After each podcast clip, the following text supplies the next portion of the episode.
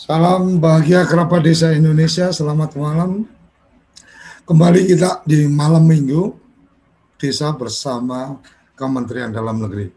Kita malam ini akan berbincang tentang strategi peningkatan pendapatan asli desa.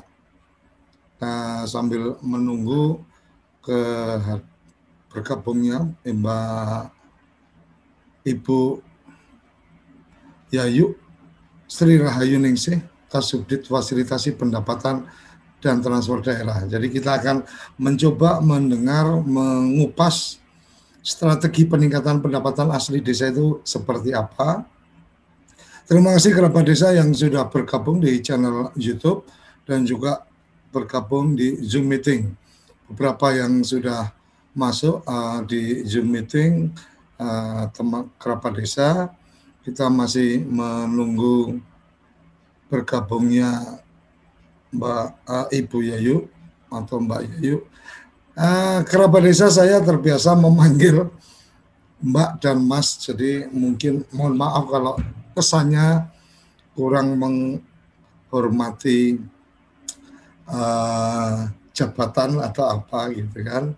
Jadi ini menarik menurut saya malam ini karena bicara tentang bagaimana pendapatan apa uh, strategi untuk meningkatkan pendapatan desa. Pendapatan desa jelas uh, apa pendapatan desa jelas menjadi sesuatu yang penting karena walaupun ada beberapa sumber pendapatan desa tetapi uh, kita akan mencoba mendengar atau mencoba melihat apa yang bisa di share atau dibagikan dari teman-teman Kementerian Dalam Negeri yang kemudian bisa menginformasikan sumber-sumber pendapatan desa bisa diarahi dari mana saja, bisa dieksplor seperti apa, termasuk bagian-bagian ada penerimaan-penerimaan yang sah itu kalau tidak salah kemarin ada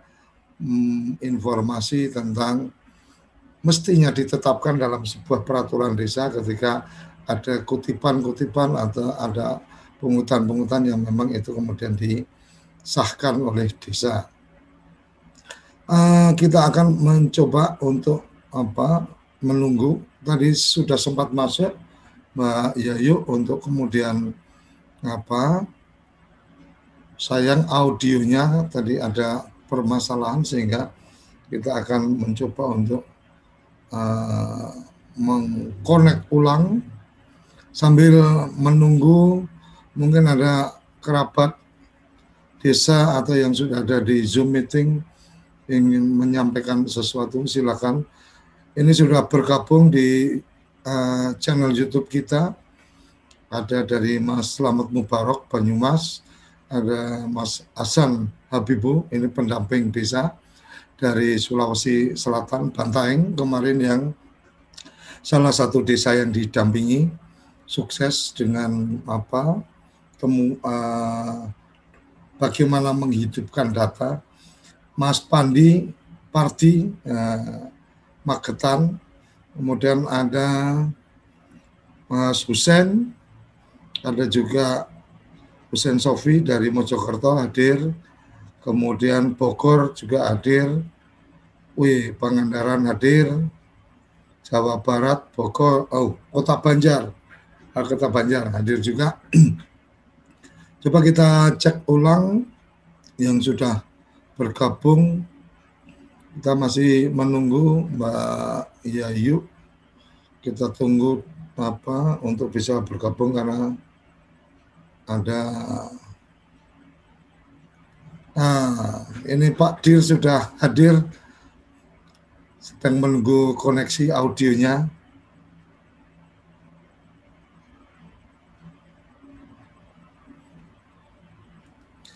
Pak Dir sambil menunggu Bu Yayu mungkin boleh menyam, me, mengantarkan sedikit agenda malam ini.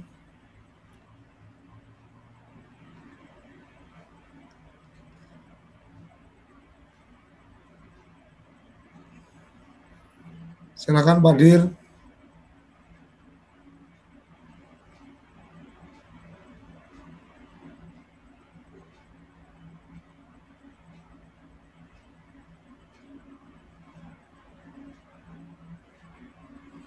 Oke, kita coba menunggu dari teman-teman di Kementerian Dalam Negeri.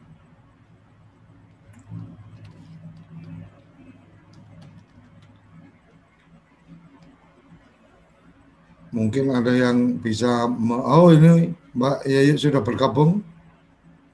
Oke. Uh, silakan bisa di unmute Mbak Yayu sambil kameranya ya. di, di posisi gini Mbak. Kameranya, ah, oke. Okay. Alhamdulillah sudah bergabung. Ya, baik Pak Surya, terima kasih. Mohon maaf ini ada kendala teknis sedikit. Sambil menunggu yang ada di laptop Pak Surya. Silakan, J. Mungkin ya. bisa diberikan pengantar obrolan kita. Ya, baik. Terima kasih. Bismillahirrahmanirrahim. Assalamualaikum warahmatullahi wabarakatuh. Selamat malam dan salam sejahtera untuk kita semuanya. Salam kerabat desa, Pak Surya. Iya. Ya, uh, terima kasih atas kesempatannya pada malam hari ini. Dan juga saya ucapkan terima kasih kepada teman-teman yang sudah bergabung dan pimpinan-pimpinan uh, ada Pak Dir Eko,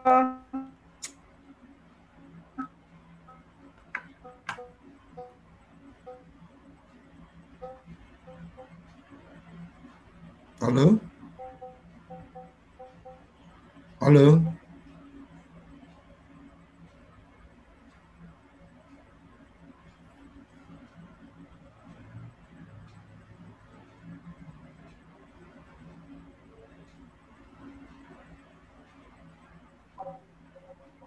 Baik, saya ulangi Pak Surya. Bismillahirrahmanirrahim. Assalamualaikum warahmatullahi Ya.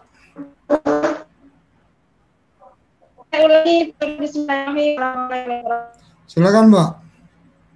Ya, baik. Uh, terima kasih atas kesempatan yang diberikan pada malam hari ini uh, Pak Suryo dan krunya tentu saja dan juga saya ucapkan terima kasih kepada pimpinan ada Pak Direktur, ada Pak Dir Eko di sini, ada Pak Pak Kapus, Pak Beni, mohon izin kami uh, malam ini bisa berdiskusi bersama Pak Surya.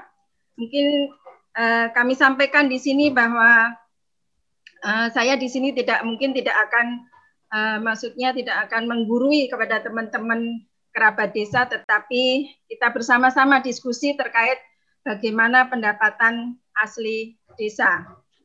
Nah, strateginya uh, bagaimana nanti kita mendorong teman-teman di desa untuk bisa berinovasi, menciptakan uh, peningkatan pendapatan asli desa. Baik Pak Surya, sebelumnya mungkin kita bisa uh, mereview kembali uh, terkait dengan terbitnya Undang-Undang Nomor 6 Tahun 2014 tentang Desa bahwa uh, desa itu uh, ke depan dari tujuan Undang-Undang Desa itu uh, maju, mandiri, dan sejahtera. Kita tujuannya ke depan dari Undang-Undang Desa itu adalah maju, mandiri, dan sejahtera. Nah, sekarang ini kalau kita tanya kembali Pak Suryo, mungkin apakah desa kita sudah maju? Apakah desa kita sudah mandiri? Dan apakah desa kita sudah sejahtera? Nah, itu pertanyaan yang mungkin menjadi maju, mandiri, dan sejahtera. Nah, uh, kerabat desa dan teman-teman semuanya uh, di sini kita mungkin bisa ada sekitar 74.953 desa. Tapi kenyat dari transfer.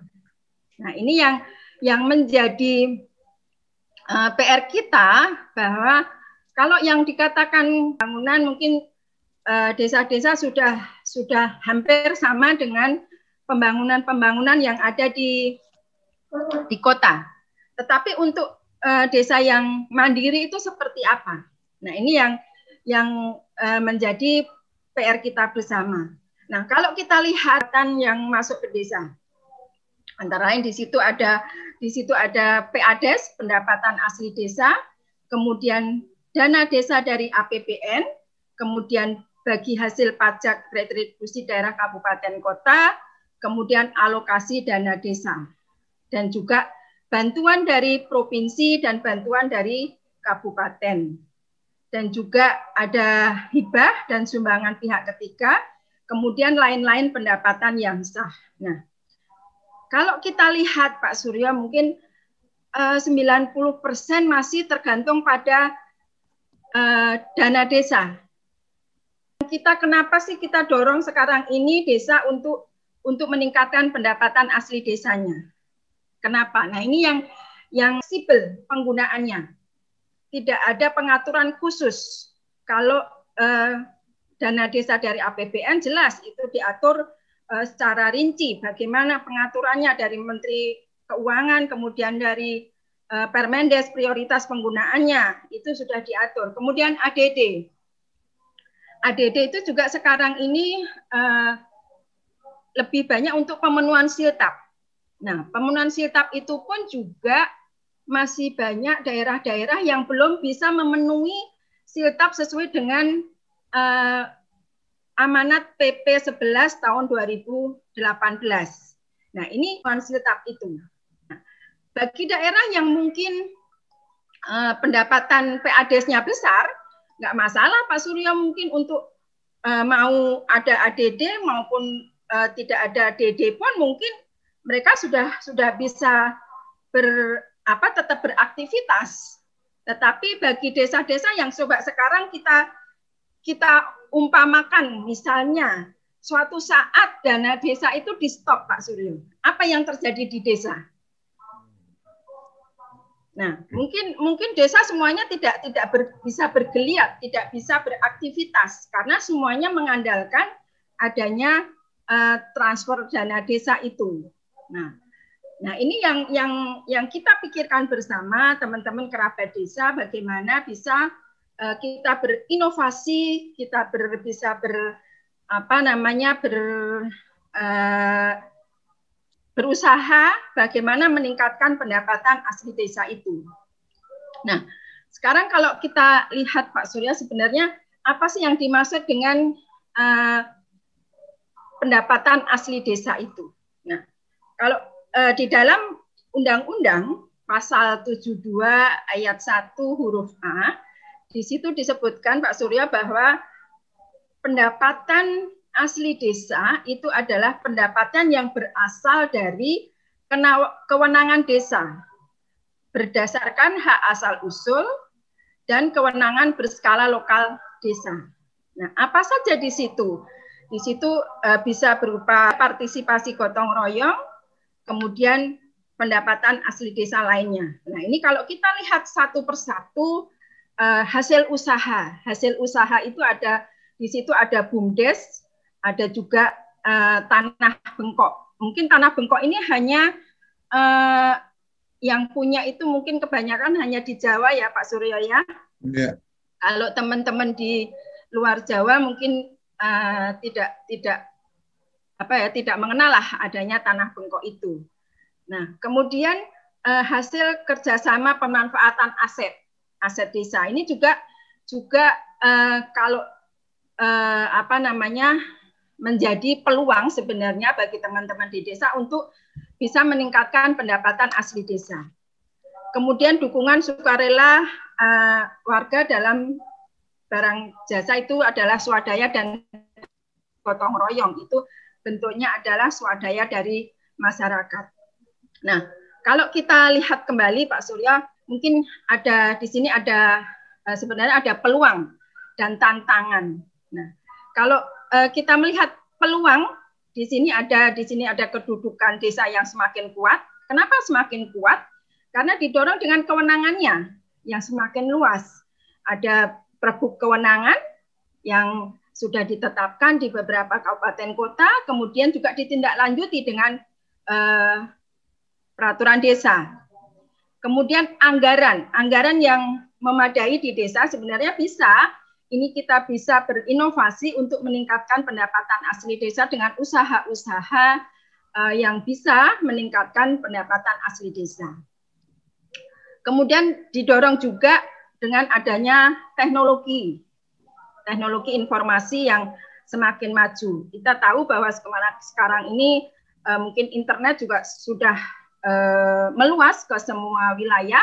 Di desa ada desa WiFi juga dengan uh, apa namanya kemajuan-kemajuan yang memang kita uh, kita akui bersama itu.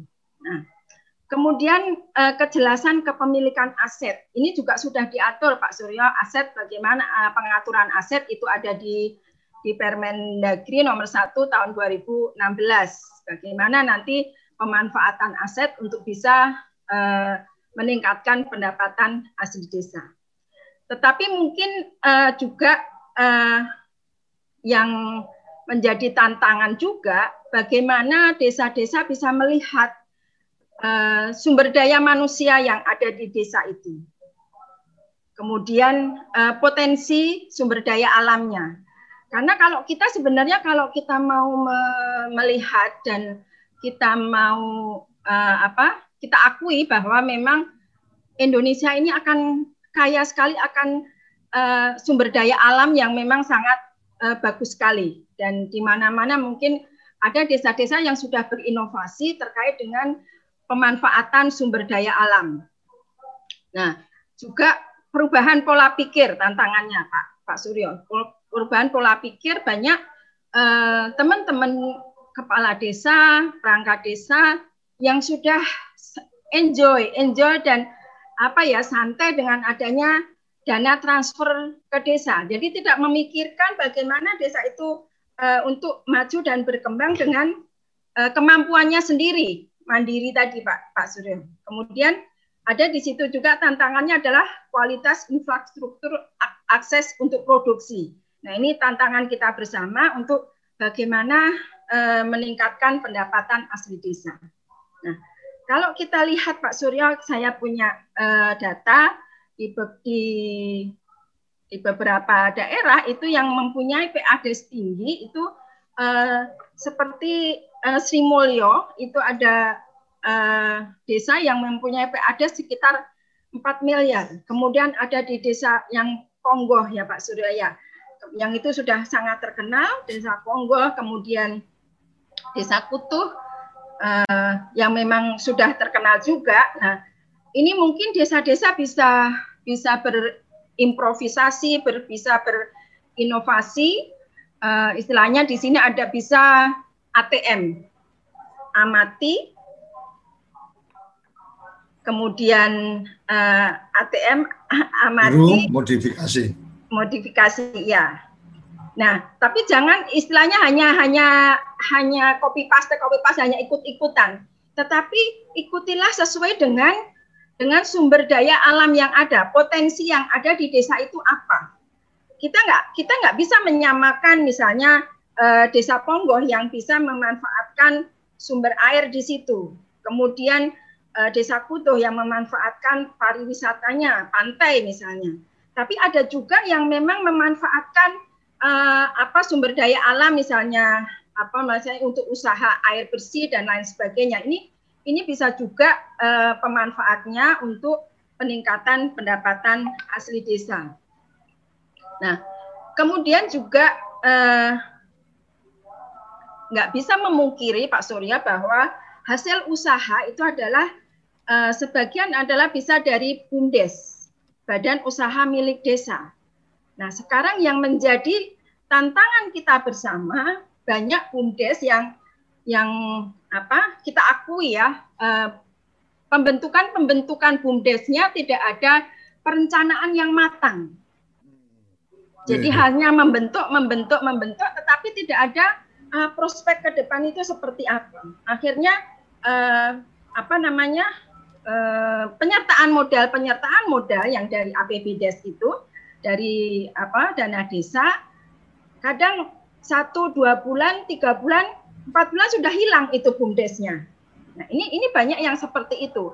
Kemarin hmm. kita bersama-sama dengan uh, apa BPKP Pak Surya ini banyak ya. yang memang banyak bumdes yang tidak ada perencanaan yang matang di situ. kemudian tidak ada pelaporan. Nah, ini ini yang menjadi juga uh, menjadi tantangan kita bersama bagaimana nanti uh, bisa mendorong BUMDes itu jangan hanya uh, apa dikejar kuantitasnya, jumlah BUMDes yang terbentuk. Tetapi kualitas dari BUMDes itulah yang nanti kita harapkan bisa ada peningkatan untuk pendapatan asli desanya. Karena kalau kita pikir Pak Surya penyertaan modal yang uh, misalnya 50 juta 50 juta. Nah, nanti kalau ke depan satu bulan, dua bulan sudah sudah hilang, tidak ada laporan bahkan e, mati begitu saja, hilang begitu saja e, uang yang 50 juta itu e, nanti akan ada lagi e, revitalisasi misalnya. Nah, ini kan penyertaan lagi. Ini kan seolah-olah malah membuang-buang uang yang yang memang seharusnya bisa dimanfaatkan untuk uh, yang lain. Nah ini kalau uh, kita harapkan uh, kalau pembentukan bumdes itu uh, harus juga melihat prospeknya, bagaimana ke depan bumdes itu bisa uh, apa bisa berhasil ataupun bisa uh, paling tidak adalah hasilnya jangan sampai hanya uh, habis untuk operasional, kemudian habis juga untuk untuk honor-honor uh, anggotanya yang uh, seperti itu. Jadi jadi kita harapkan nanti ke depan uh, apa Bumdes ini bisa menjadi andalan untuk peningkatan pendapatan aset desa. Nah, kemudian untuk pemanfaatan aset Pak Suryo di sini uh, bentuk pemanfaatan aset desa berupa sewa pinjam, bisa juga kerjasama pemanfaatan dan juga bisa uh, bangun serah atau bangun serah guna. Ini juga bisa digunakan untuk dalam uh, peningkatan pendapatan asli desa. Kemudian juga terkait dengan partisipasi gotong royong dari masyarakat. Wujud peran serta masyarakat desa yang kita harapkan uh, untuk bisa uh, apa namanya meningkatkan pendapatan asli desa itu sendiri. Karena kalau sekarang ini Pak Surya mungkin uh, masyarakat pun uh, seolah-olah uh, apa namanya dibuat di terbuai ya terbuai karena sudah dimanjakan dengan adanya dana-dana uh, yang masuk ke desa kemudian uh, apa sifat untuk partisipasi gotong royongnya itu agak agak berkurang kita akui memang itu itu agak berkurang di desa karena merasa bahwa uh, apa namanya uh, apa sudah sudah terpenuhi lah dari anggaran-anggaran yang ada di desa. Jadi tidak pelibatan masyarakat itu sepertinya agak berkurang. Nah, ini juga juga menjadi uh, tantangan bagi desa itu untuk bagaimana meningkatkan uh, apa partisipasi gotong royong dari masyarakat itu sendiri. Kemudian ada di sini yang sifatnya juga pungutan. Pungutan itu diperbolehkan untuk bisa meningkatkan pendapatan asli desa. Pungutan atas objek yang menjadi kewenangan desa tentu saja. Menjadi kewenangan desa berdasarkan hak asal usul maupun kewenangan berskala lokal desa yang tentu saja tidak bertentangan dengan kepentingan umum dan peraturan yang lebih tinggi. Ini ini yang sifatnya uh, pungutan pemerintah desa uh, memang dilarang melakukan pungutan seperti itu saja itu yang sudah legal dengan uh, dilegalkan dengan peraturan desa.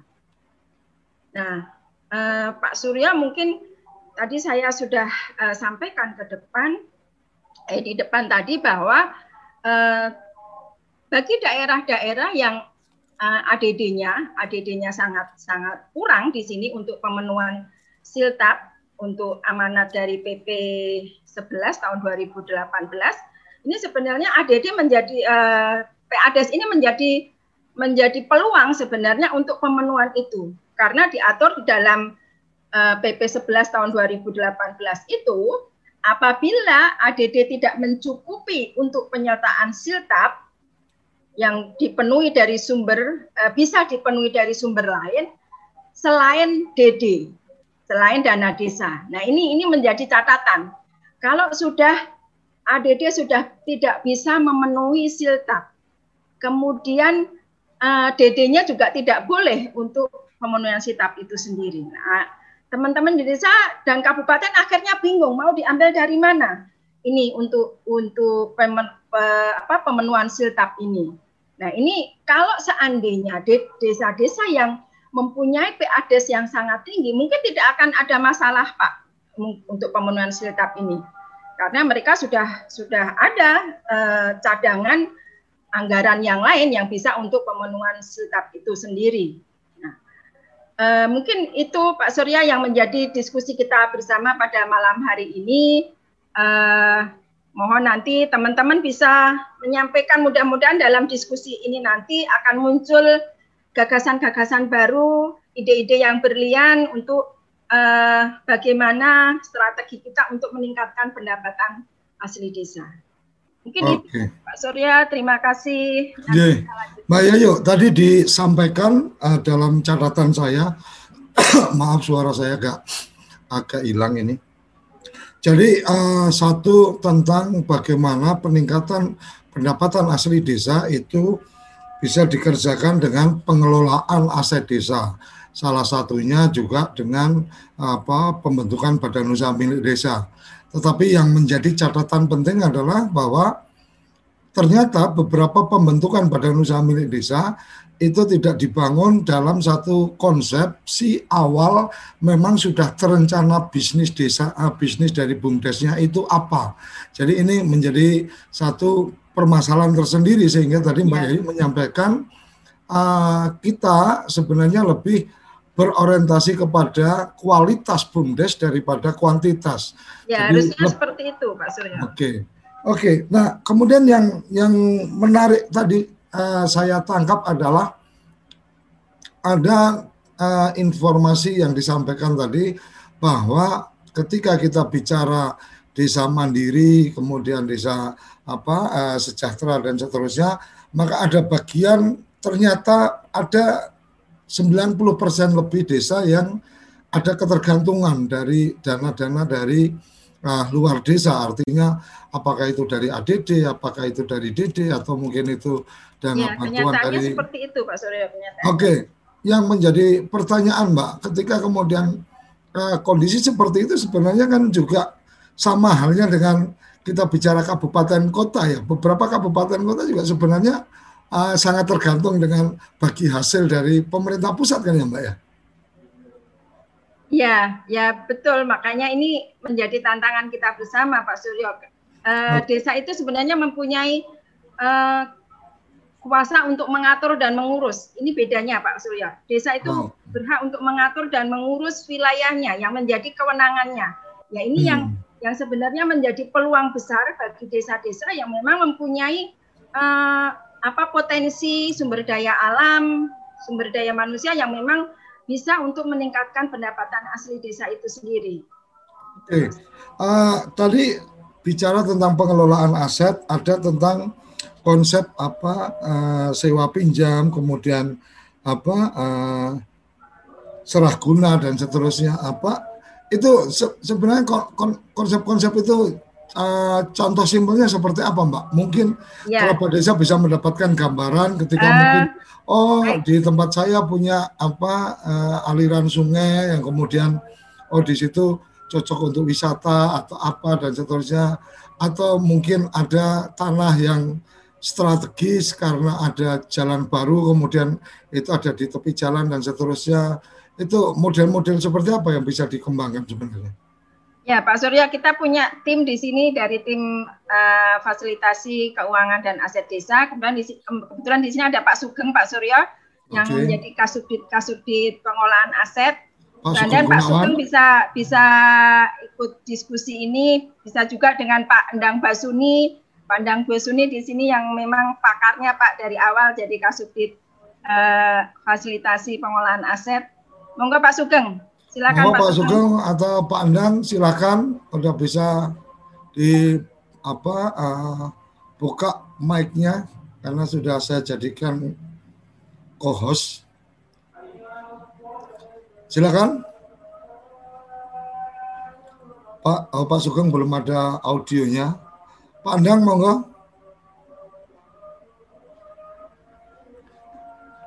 Oke, jadi uh, bagian bagian yang menarik adalah bagaimana pengelolaan aset ya, Mbak ya. Bagaimana pengelolaan ya. aset ya. ini menjadi uh, satu kekuatan. Gitu. Oh itu Pak Pak Andang, Pak Andang sudah Pak.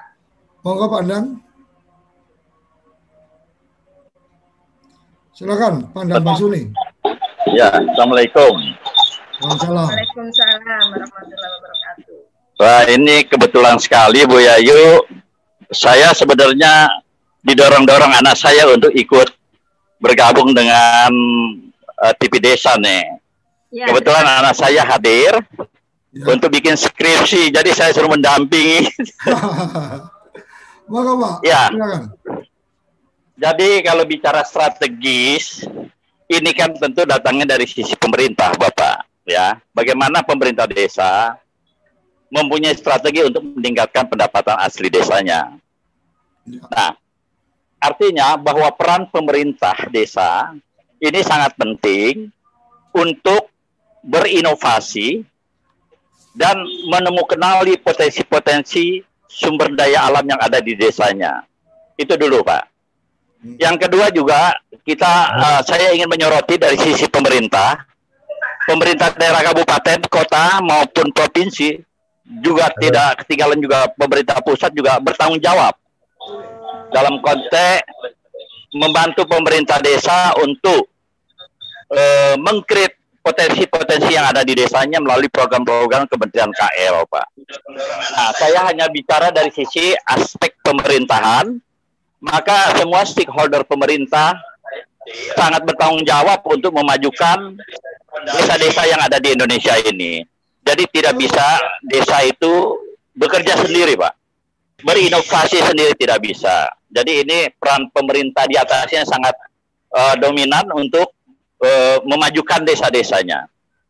Itu dari aspek pemerintah, Pak. Kemudian kita tahu bahwa salah satu sumber pendapatan asli desa didapat dari BUMDes, Pak. Ya, karena kita bicara BUMDes yang hari ini masih debatable ya Pak ya antara sumber informasi di Kementerian Desa maupun dalam kenyataannya eh, sangat sangat apa istilahnya kalau kita teliti itu pendapatan desa ini masih belum bisa dikatakan bumdesnya sudah maju Pak.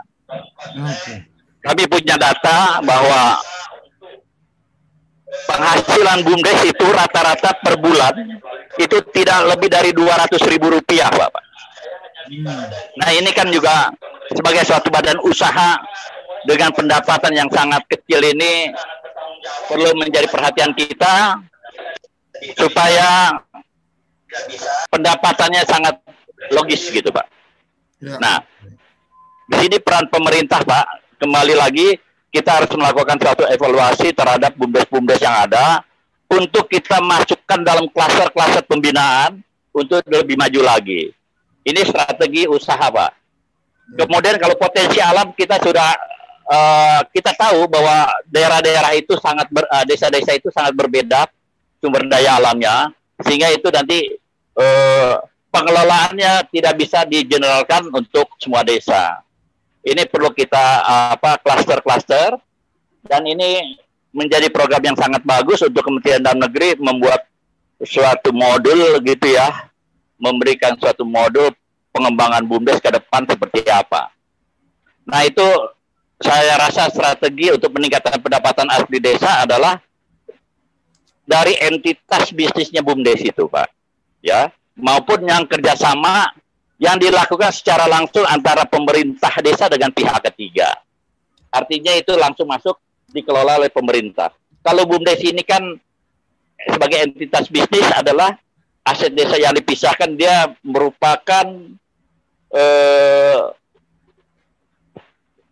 pengelolaan yang nantinya dari keuntungannya itu ada kontribusi kepada pemerintah desa dalam bentuk PADES. Nah ini yang sampai hari ini saya belum bisa menggambarkan bahwa BUMDes sudah begitu optimis untuk mendorong kemajuan bagi pemerintah desa. Kira-kira itu dulu sementara dari kami Pak. Terima kasih. Wassalamualaikum warahmatullahi wabarakatuh. Terima kasih Pak Endang. Uh, luar biasa. Jadi satu sisi yang menarik hari ini adalah bahwa bicara BUMDes uh, ada undang-undang Omnibus Law yang kemudian di situ memberikan ruang atau ada satu perubahan dari undang-undang uh, desa yang kemudian uh, ada ruang manat undang-undang Omnibus Law otomatis tiga bulan seperti yang disampaikan oleh Presiden uh, perlu ada peraturan pemerintah. Semoga peraturan pemerintah tentang badan usaha milik desa ini juga bisa segera terbit dan kemudian kita semakin lebih jelas tentang posisi BUMDes ini seperti apa. Menarik tadi yang disampaikan oleh uh, Pak Endang tadi tentang uh, potret BUMDes kita hari ini. Mungkin Pak Sugeng uh, boleh memberikan pandangannya, silakan. Monggo Pak Sugeng. Halo, Pak Sugeng. Masih di unmute. Silakan Pak Sugeng. Audionya.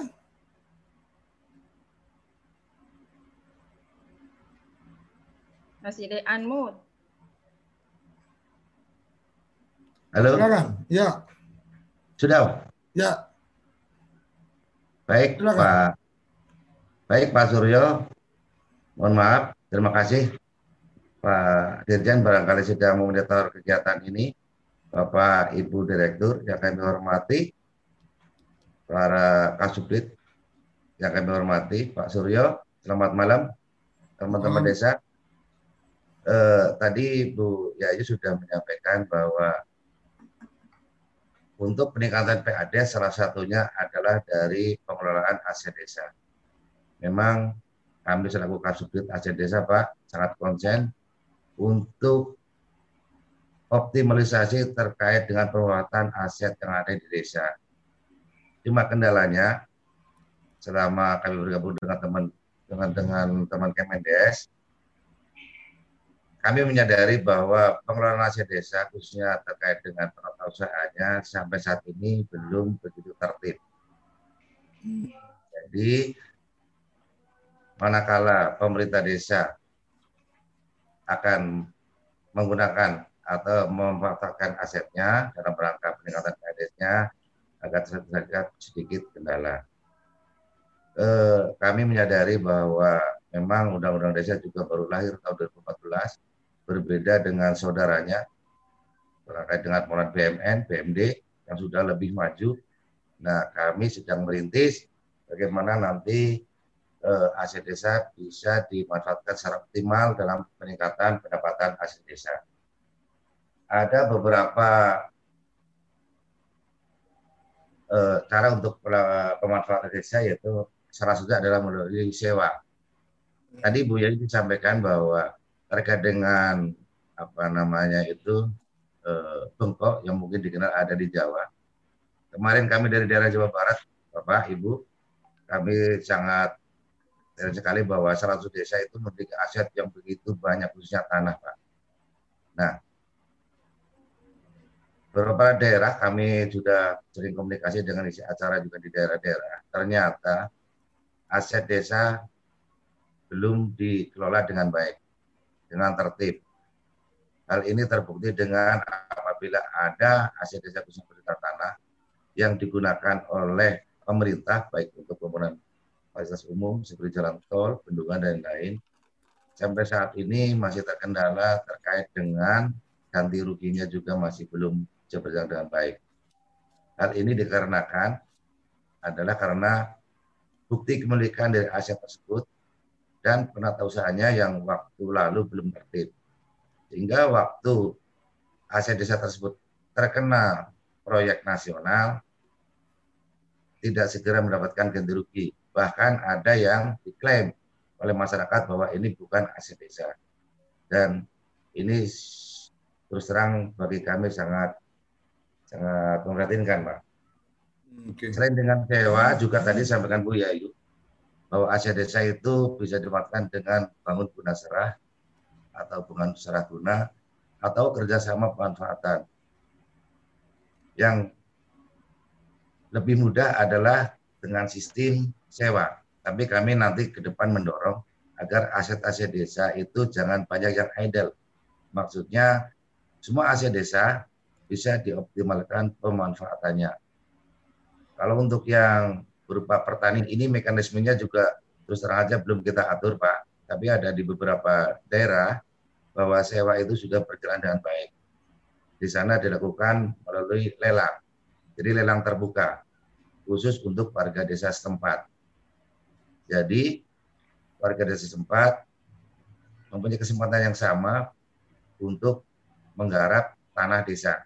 Nanti dari berapa peserta lelang itu, siapa yang penawarannya tertinggi itulah yang jadi pemenang. Jadi di sana sudah demokratis sekali, tidak ada main-mainan Pak.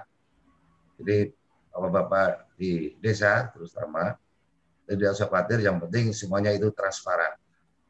Salah satu asas dari pengelolaan aset desa adalah asas transparansi. Jadi semua masyarakat bisa mengakses sebenarnya aset desa itu ada di mana aja, dimanfaatkan untuk apa saja. Nah ini yang ke depan terus terang aja Bapak akan kami dorong teman-teman di desa khususnya agar terlebih dahulu melakukan penatausahaan aset desanya dengan tertib dan baik. Apalagi kita tahu bersama tadi sampaikan Boyo juga bahwa pemerintah mulai mungkin tahun-tahun 2014-2015 ini sudah membutuhkan dana yang begitu besar ke desa yang sedikit banyak tentu akan menghasilkan aset. Nah, ini bagaimana penceratannya? Memang selama ini teman-teman di desa kan belum diaudit seperti kami yang di pusat maupun di daerah, Pak. Ada penghargaan juga ya dengan opini bagaimana pengelolaan keuangan dan asetnya. Mudah-mudahan ke depan eh, terkait dengan pengelolaan keuangan maupun aset ini menjadi kriteria bagi pemerintah pusat, provinsi maupun kabupaten kota untuk memberikan bantuan kepada desa yang sudah baik dalam pengelolaan keuangan maupun desanya. Terus terang kami dari Direktorat Fasilitasi Keuangan dan Aset Pemerintahan Desa, pertama kalau tidak salah itu Bu Guri, Pak Nas, Bu Yayu. Nah ini kita malam ini bersama-sama mungkin semua kasubdit kumpul di sini karena kemarin Bu Yayu kita apa namanya proyek sama-sama acara malam mingguan ini. Ayo Bu, sepanjang di desa untuk memberi memperbaiki pengelolaan asetnya. Sementara itu Pak, nanti kita lanjutkan diskusinya biar teman-teman juga bisa kita bisa apa namanya menangkap permasalahan-permasalahan yang ada di desa. Karena kami juga masih ada PR terkait dengan revisi Permendagri 1 2016 yang belum selesai. Sementara itu Pak Suryo, Assalamualaikum warahmatullahi wabarakatuh. Oke, terima kasih. Yang menarik adalah bahwa kemudian pendataan aset desa, kemudian memperjelas bahwa itu aset desa, bukti kepemilikan desa, ini menjadi catatan yang penting menurut apa? Menurut saya untuk kemudian bagaimana akan mengelola aset kalau kemudian inventarisasi asetnya aja belum berjalan. Kira-kira gitu, Pak Sugeng ya. Siap, betul.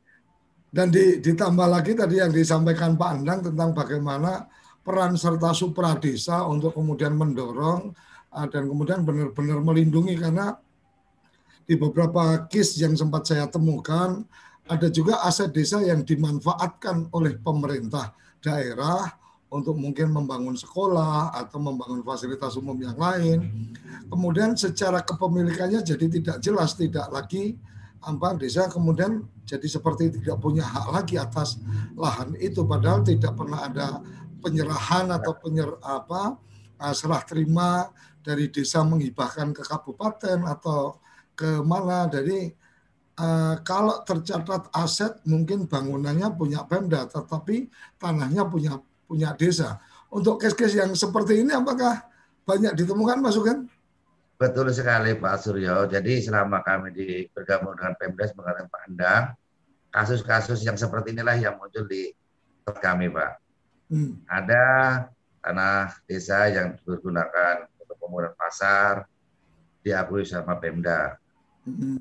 Mereka mengadu kepada kami bahwa kebijakannya Pak untuk mengambil alih. Kami bersurat Pak ke pemerintah provinsi maupun kabupaten terkait untuk mengembalikan aset tanah tersebut Akibatnya karena Pemda sudah merasa enjoy tadi kata Bu Yayu, merasa bahwa ini fasilitas umum. Sementara di Undang-Undang Nomor 2 tahun 2012 tentang pengadaan tanah bagi kepentingan umum bahwa pasar desa itu termasuk kepentingan umum, bukan fasilitas umum. Makanya kami juga berkekeh untuk segera kembalikan. Kami kan hmm. sudah bersepakat membentuk undang-undang bahwa yang masuk kriteria kepentingan umum adalah ini, ini, ini. Nah kalau sudah di undang-undang menyatakan begitu, ya sudah nggak usah diperdebatkan lagi, kembalikan saja. Hmm. Oh, masyarakat, apa, pemerintah desa yang mengelola. Kalau desa makmur, otomatis mungkin nanti pemindahnya juga akan juga menikmati. Cuma ya itu Pak Suryo masih ada. Pak Sugeng ini kan termasuk fasilitas umum. Sampai mohon maaf Pak De, Pak Beni, Pak Kabus, kami sempat diskusi panjang dengan Pak Beni Pak terkait dengan kepentingan umum dan fasilitas umum. Hmm. Kami kata bahwa undang-undang ini sudah jelas menyatakan bahwa yang termasuk kategori kepentingan umum adalah sudah tertera di Undang-Undang Nomor 2 tahun 2016 tersebut. Hmm. Karena Pak Direktur kami waktu itu Pak Beni juga sangat hati-hati Pak untuk memberikan surat ke pemerintah provinsi. Jangan-jangan ini benar fasilitas umum. Kami sampaikan bukan Pak, ini kepentingan umum, ini pasalnya. Kalau tahu nanti itu akan direvisi undang-undang tersebut, ya nantilah. Yang penting yang sudah kita sepakati, jalankan. Hmm. Artinya, Mas Sugeng, artinya bahwa ketika teman-teman di desa kemudian menemukan dalam tanda petik, oh ternyata ada aset desa yang kemudian uh, berasa hilang karena satu kebijakan tertentu dan seterusnya, sangat mungkin untuk berkonsultasi ke teman-teman di uh, Bina Pemdes? Sangat mungkin sekali Pak. Kami buka nomor telepon 24 jam. Oke, oke, oke. Jadi Kalau, memang ya. sekarang-sekarang ini Pak Suryo sudah teman-teman desa sudah mulai sadar hak-haknya. Tahu hmm. bahwa dulu SD Impres ini dibangun di atas tanah desa. Sekarang hmm. diminta Pak Suryo. Hmm. Buat Impres, SD Impres, Puskesmas, Kecamatan, Koramil, banyak sekali khususnya di Jawa ini Pak. Kami sebagai apa namanya kami ambil contoh untuk pemerintah Provinsi Jawa Tengah kali ini sudah mulai berjalan Pak Suryo. Jadi teman-teman kabupaten yang menggunakan tanah desa, Pak Gubernur hmm. sudah membuat surat edaran, tolong kembalikan. Walaupun tidak semuanya Pak Suryo. Mungkin mencicil satu desa dulu.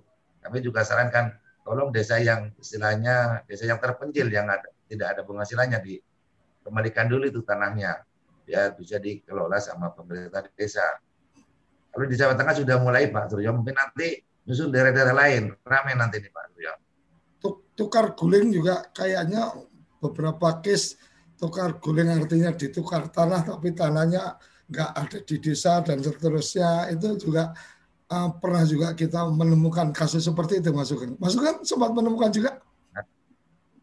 Banyak sekali Pak Suryo karena terkait dengan tanah desa memang dari aturan dari tahun ada nomor 1 2000 apa 1982, ada Permendagri 4 2007, terakhir Permendagri 1 2016 terkait dengan aset desa khususnya tanah itu tidak bisa diperjualbelikan.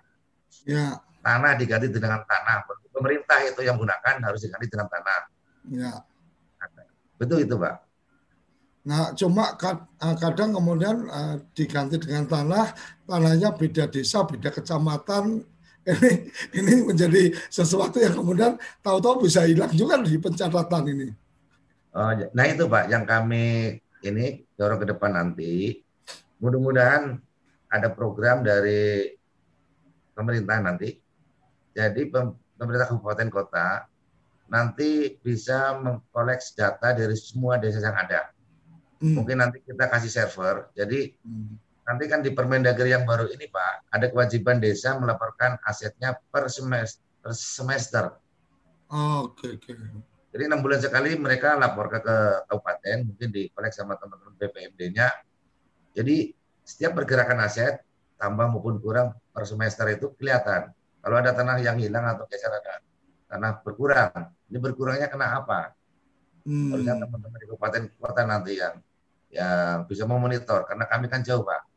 Kalau nanti kami punya anggaran mungkin servernya bisa akan di pusat, walaupun jumlah desa itu sampai 74.900 sampai 75.000, mungkin kami bisa monitor. terkait dengan aset desa itu termasuk uh, ketika desa melakukan penyertaan modal ya Pak ya ke BUMDes atau mungkin penyerta apa uh, penyertaan ketika nanti ini BUMDes juga bisa berbentuk perseroan kan yeah. nanti ada penyertaan dalam bentuk saham itu termasuk dalam aset desa ya? Iya masuk Pak. Uh, Oke. Okay. Begini aset, mohon maaf Pak Suryo. Ya.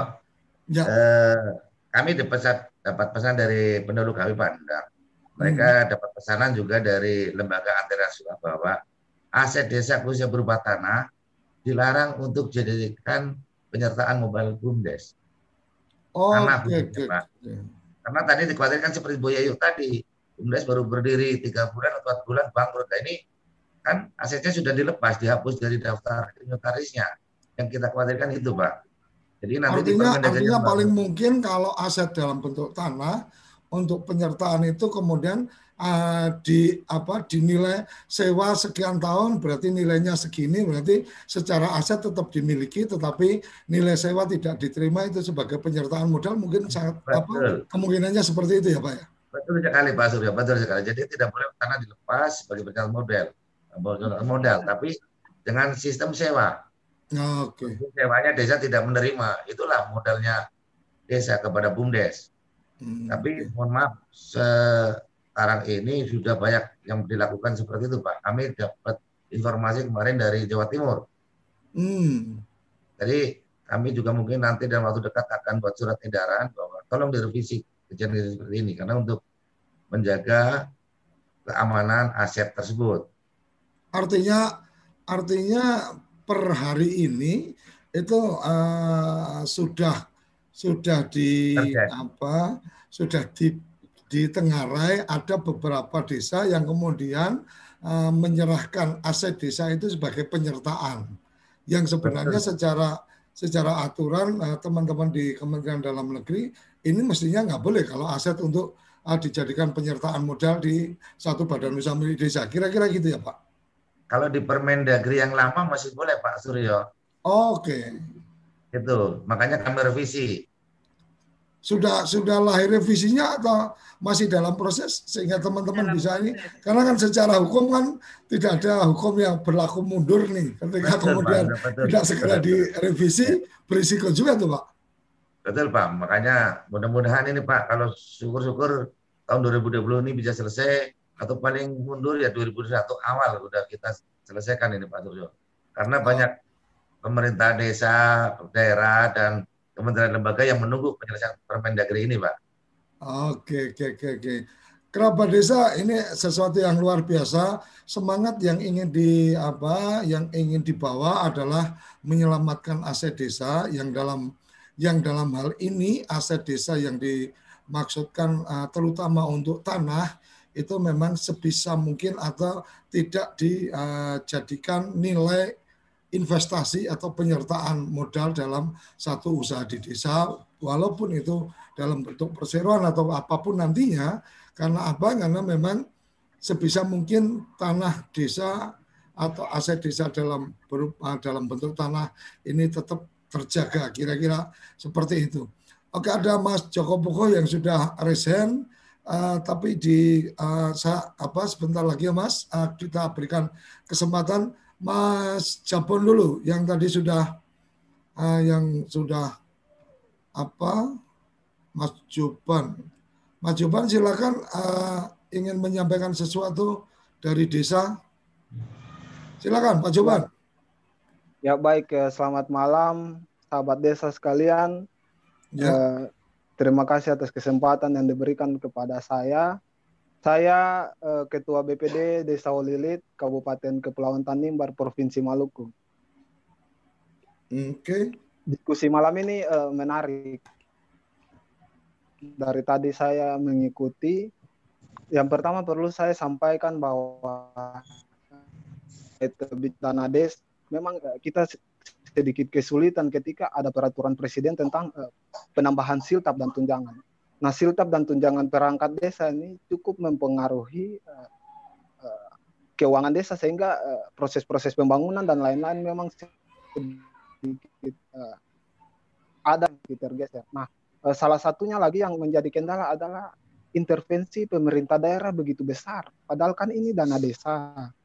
Intervensi pemerintah daerah begitu besar sehingga uh, dimasukkanlah uh, program-program pemerintah daerah yang wajib untuk dijalankan. Padahal kan eh, visi misi bupati itu ada, sedangkan visi misi kepala desa ini juga ada. Nah jangan sampai eh, enam tahun berjalan visi misi kepala desa ini tidak tercapai. Yang tercapainya visi misi bupati itu. Nah begitu program dan intervensi kuat sehingga program ini masuk ke uh, dalam uh, batang tubuh anggaran APBDes itu yang pertama.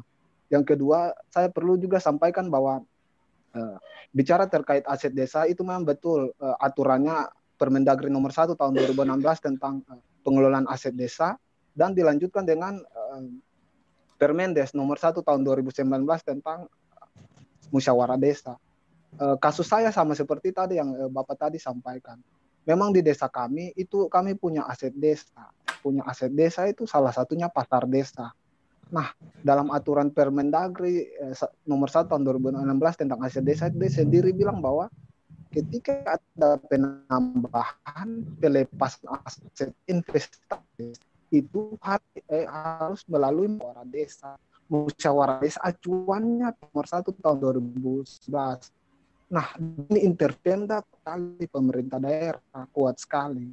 Akhirnya aset yang harus dimusyawarahkan sebelum dilepaskan itu uh, diintip oleh pemerintah, sehingga aset desa ini yang seharusnya uh, menjadi tumpuan uh, uh, uh, dana uh, di pendapatan asli desa masuk memperkuat uh, perencanaan desa akhirnya tidak ada lagi. Nah di desa kami itu uh, jumlah penduduknya hampir 10 ribuan. Saya membutuhkan dana yang memang cukup luar biasa. Yang menjendala yang pertama, tadi saya sampaikan. Yang pertama, aturan yang menyatakan bahwa ada penan uh, silap perangkat desa ini cukup mempengaruhi uh, ini uh, perencanaan kami ditambah lagi dengan pro program titipan dari pemerintah yang dalam hal ini diintervensi oleh bukti yang harus segera dijalankan. Nah ini membuat sehingga program-program skala prioritas yang jangka pendek harusnya kami kejar selesaikan dia, tapi ini sudah geser karena kepentingan tadi. Jadi saya berharap bahwa eh, pemerintah daerah tidak semena-mena untuk mengatur desa karena di hadirnya Undang Nomor 6 tahun 2014 itu desa diberikan kewenangan untuk mengatur mengelola itu pemerintahannya sendiri itu seperti begitu. Contohnya terkait des nah bumdes ini uh, di aturan itu dia bilang kalau ada uh, pergantian uh, pengurus bumdes dan itu itu kan melalui musyawarah. Nah Halo? Putus, Pak. Nah, sayang sekali terputus, tapi kita sudah bisa menangkap bahwa di tingkat desa dari seorang kepa, eh, ketua BPD uh, eh, di desa uh, Olit Kabupaten Kepulauan Tanimbar, Provinsi Maluku ini ternyata terbebani dalam tanda petik intervensi baik dari pusat maupun dari daerah sepertinya. Artinya ketika dari pusat bicara tentang aturan siltap, ketika dari daerah ternyata kemudian ada intervensi dari kabupaten untuk melaksanakan program-programnya. Ini ini menarik ini Mbak Yayu dan masuk ke gini tentang beban desa ternyata luar biasa ini diinjek-injek terus dari atas untuk kemudian harus melakukan ini harus melakukan ini ada kesadaran tapi tapi tidak punya kekuatan. Jadi sing bisa ora kuasa, sing kuasa ora bisa kan gitu. Oke, okay, uh, nanti kita akan kita akan bahas mungkin jadi catatan Mbak Yayu, Mas Sugeng dan juga Pak Endang tentang suara dari bawah. Tapi uh, ada peneliti dari Kemendes yang sudah resen, saya harus apa berikan mic-nya karena kalau saya nggak berikan apa kesempatan untuk bicara, saya bisa terusir dari tempat saya nongkrong. Silakan Mas, Mas Joko. Terima kasih Mas Ryo. Selamat malam Bu Yayu, selamat malam Pak Sugeng. Ya, Pak. Ini menarik ini. Ini apa ya? Saya kembali ke topiknya aja. Peningkatan apa? Peningkatan apa tadi? Pendapatan asli desa ya. Tapi saya menarik sebenarnya begini, dengan undang-undang desa itu kan ada dua hal penting sebenarnya. Bahwa desa itu mempunyai satu power dan mempunyai sumber daya. Power itu dalam bentuk tadi disebutkan oleh Bu Yayu itu ada hak lokal, kemudian hak kemenangan desa, kemudian sumber daya itu mulai dari sumber daya wilayah maupun pendanaan. Mulai ADD, kemudian DD, kemudian bantuan khusus dan segala macamnya. Nah, persoalannya dengan dua itu kan harusnya desa itu mampu untuk melakukan satu peningkatan aset. Sebenarnya itu kuncinya, karena dua punya satu kekuasaan, power yang luar biasa, punya mengurus dan mengatur, kemudian ditunjang dengan sumber dana dari berbagai sektor. Nah, kuncinya kan kalau mereka mampu untuk bagaimana meningkatkan aset desa, itu kan yang mau aset desanya itu apa kan? selama ini kan desa itu tidak mampu untuk melakukan asetku itu apa toh gitu loh. Loh, Indonesia saja sejak zaman Orde Baru selama ini kan baru berapa tahun punya dirjen perbendaraan aset itu. Wajar gitu loh. Jadi sebenarnya aset desa, aset desa untuk peningkatan apa peningkatan pendapatan aset desa. Ya di samping aset desa sebenarnya ada ekonomi, ekonomi masyarakat. Nah, BUMDes itu kan bunga-bunganya saja Mas Suryo Nah, hmm. persoalannya bagaimana mereka mampu untuk melakukan satu inovasi. Kalau mereka tidak memahami potensi sumber dayanya seperti yang di, disebutkan oleh pertama tadi, kalau tidak salah Pak Sugeng. Duh, saya juga punya pengalaman selama sampai detik ini melakukan satu satu pendampingan dan teman-teman di Merauke, kemudian di Bali Rantai dan Natuna. Mereka itu kadang-kadang tidak paham bahwa apa yang di depan matanya itu sebagai potensi sumber daya yang bisa dikelola dengan inovasi akan menghasilkan satu nilai tambah ekonomi baik kepada masyarakat maupun kepada desa. Nah, sebenarnya kan kalau ujung-ujungnya BUMDes itu nanti kan mewadahi terhadap aktivitas-aktivitas untuk membesarkan terhadap ekonomi yang dikembangkan masyarakat itu sebenarnya. Jangan BUMDes itu dibentuk karena top down sifatnya dan itu usahanya itu mau dibikin belakangan gitu loh. Nah ini ya, yang agak repot tadi ya. disinggung Pak Sugeng tadi menarik tadi sebulan hanya dua ratus ribu itu bagus Pak kalau sebulan rata-rata dua ratus ribu itu. Contoh saja ya saya itu memetakan di Bali Rantai ada 36 objek wisata yang mereka tidak sadar. Saya menulis buku namanya Jejak dan Pesona Merapi di Bali Rantai Sebenarnya dari situlah desa itu berinovasi, merancang satu ekowisata berdasarkan apa hasil temuan itu gitu loh. Itu dijadikan satu pengaruh utamaan. Itu susahnya juga setengah mati gitu loh. Nah ini, jadi hasil mapping tadi istilahnya Pak Sugeng kalau tidak salah ya, identifikasi itu penting Mas Suryo. Justru sebelum ada BUMDes, dana desa itu digunakan untuk meningkatkan kapasitas sumber daya melalui pemberdayaan, melalui bentukan sarana prasarana, apa yang menjadi potensi itu. Tapi kan ini tidak. Berbagai studi semua fisik. Nah ini loh. Nah ini artinya hmm. bahwa sumber daya itu bisa diidentifikasi. Nah, inovasi itu tumbuh tidak mungkin desa itu kalau tidak punya kapasitas untuk melakukan kolaborasi. Saya mendampingi teman-teman di di mana di kampung Salor Indah itu sawah tumpukan jerami aja jajakan objek wisata masuk sepuluh ribu kok Mas Suryo. Nah contoh itu loh. Artinya inovasi lah.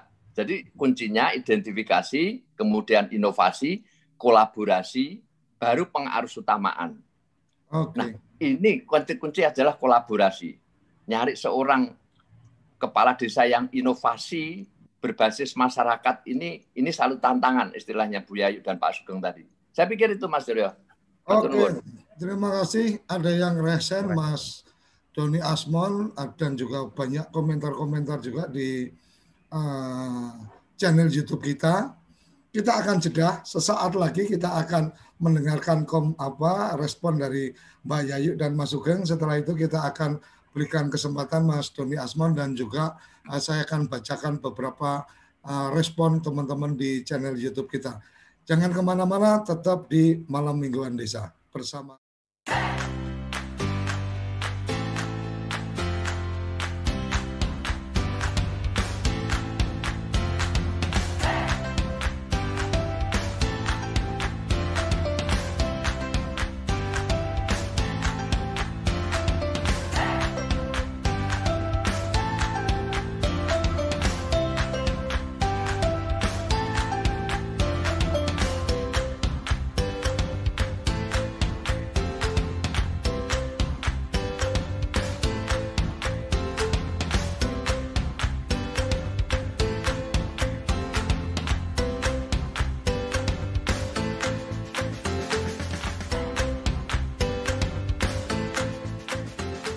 tokoig.id, toko Instagramnya orang Indonesia. Kamu tinggal di pulau terpencil, pegunungan pinggiran kota, atau daerah di Indonesia yang tidak terjangkau jaringan fiber, ADSL, dan juga 3G. Internetan dengan cepat pasti cuma akan menjadi mimpi. Mau pakai tol langit, pakai desa wifi, kunjungi www.desawifi.id.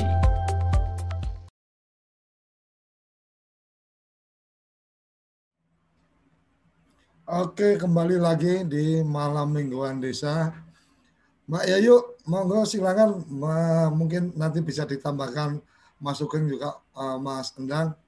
Uh, dari beberapa tadi sih saya menangkap bahwa memang yang menjadi penting adalah temu kenali potensi masing-masing. Artinya menjadi penting adalah menyadari betul apa yang kita miliki, kemudian melakukan inventarisasi, baru kita bisa melakukan optimalisasi tanpa kita mengenali potensi, tanpa kita menginventarisasi, sangat tidak mungkin kita bicara optimalisasi. Silakan Mbak Yayu, ada yang bisa diberikan tanggapan? Uh, ya Pak Suryo, terima kasih dari Pak Jakob dan Pak Joko. Ketemu lagi Pak Joko ya. Ya, ya uh, tadi terkait dengan respon dari Pak Jakob tadi ya. Jabon. Coban, Coban, Coban, ya, Pak Coban. Dari, dari Desa Olilit, Kabupaten Kepulauan Tanimbar.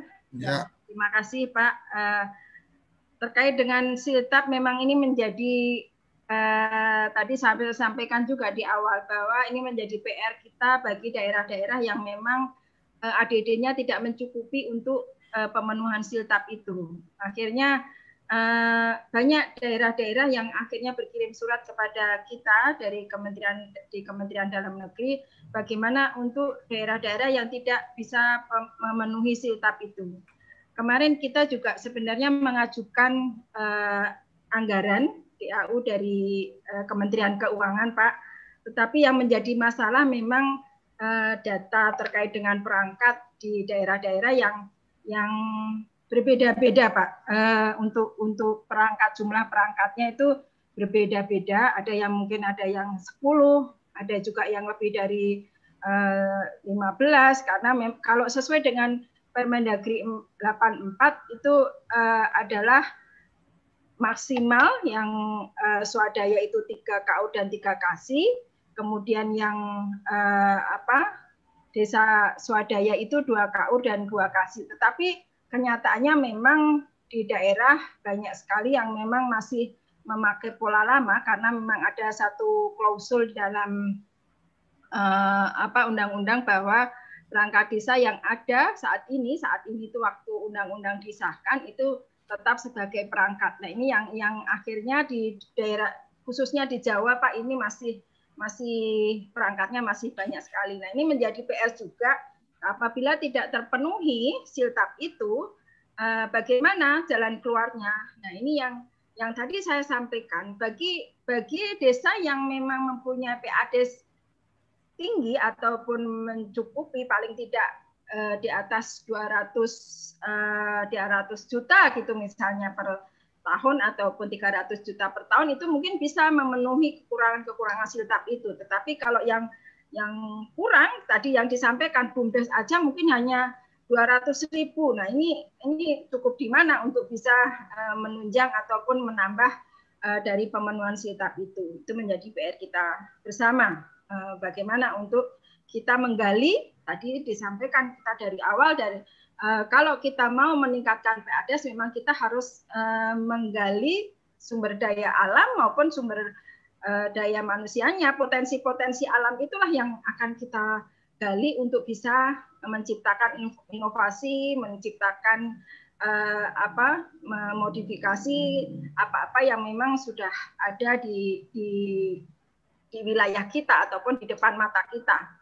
Nah, untuk Pak uh, dari Pak Joko tadi mungkin uh, terkait dengan aset memang benar, memang banyak sekali tadi disampaikan oleh Pak Sugeng juga. Memang ini menjadi uh, tantangan kita dan memang kenyataannya di lapangan memang seperti itu, Pak uh, Pak Suryo ya, bahwa memang tanah uh, tanah bengkok itu uh, dinilai nom nomilnya tidak tidak masuk di dalam uh, PADES, ya, di dalam APBDes itu tidak tidak dimasukkan nilai nominalnya yang sesungguhnya.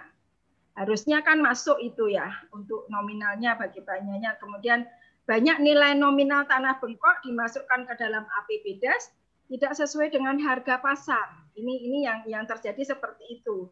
Kemudian juga banyak usaha desa yang uh, hasilnya tidak dimasukkan dalam APBDes. Ini juga juga menjadi uh, tantangan kita, Pak. Jadi uh, ada teman-teman di desa mempunyai PADES tetapi uh, PADES-nya itu tidak dimasukkan dalam APBDes. Jadi masuk ke oh. kantongnya kepala desa dan itu, itu tidak tercatat. Itu adalah sebenarnya itu menjadi uh, kalau nanti ada audit itu sebenarnya sudah sudah penyalahgunaan, sudah itu karena ini, ini masuk korupsi itu ya, Mbak? Ya, ini karena memang ini ini tapi terjadi karena hmm. mungkin uh, menganggap bahwa karena tidak termonitor gitu kali ya mungkin uh, dan mungkin ada uh, anggapan bahwa kalau dimasukkan di dalam APBDes akhirnya nanti akan terkena pajak kemudian ruwet dan pencatatannya dan lain-lain nah ini ini menjadi uh, tantangan kita bersama terkait dengan uh,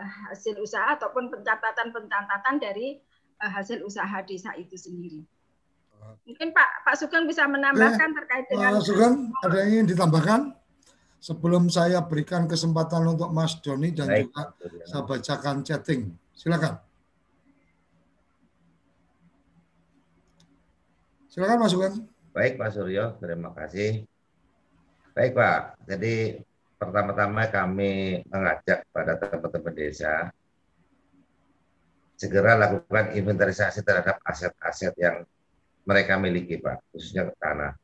Memang kita sadar sekali bahwa untuk pensertifikatan tanahnya saat ini memang agak sulit, Pak.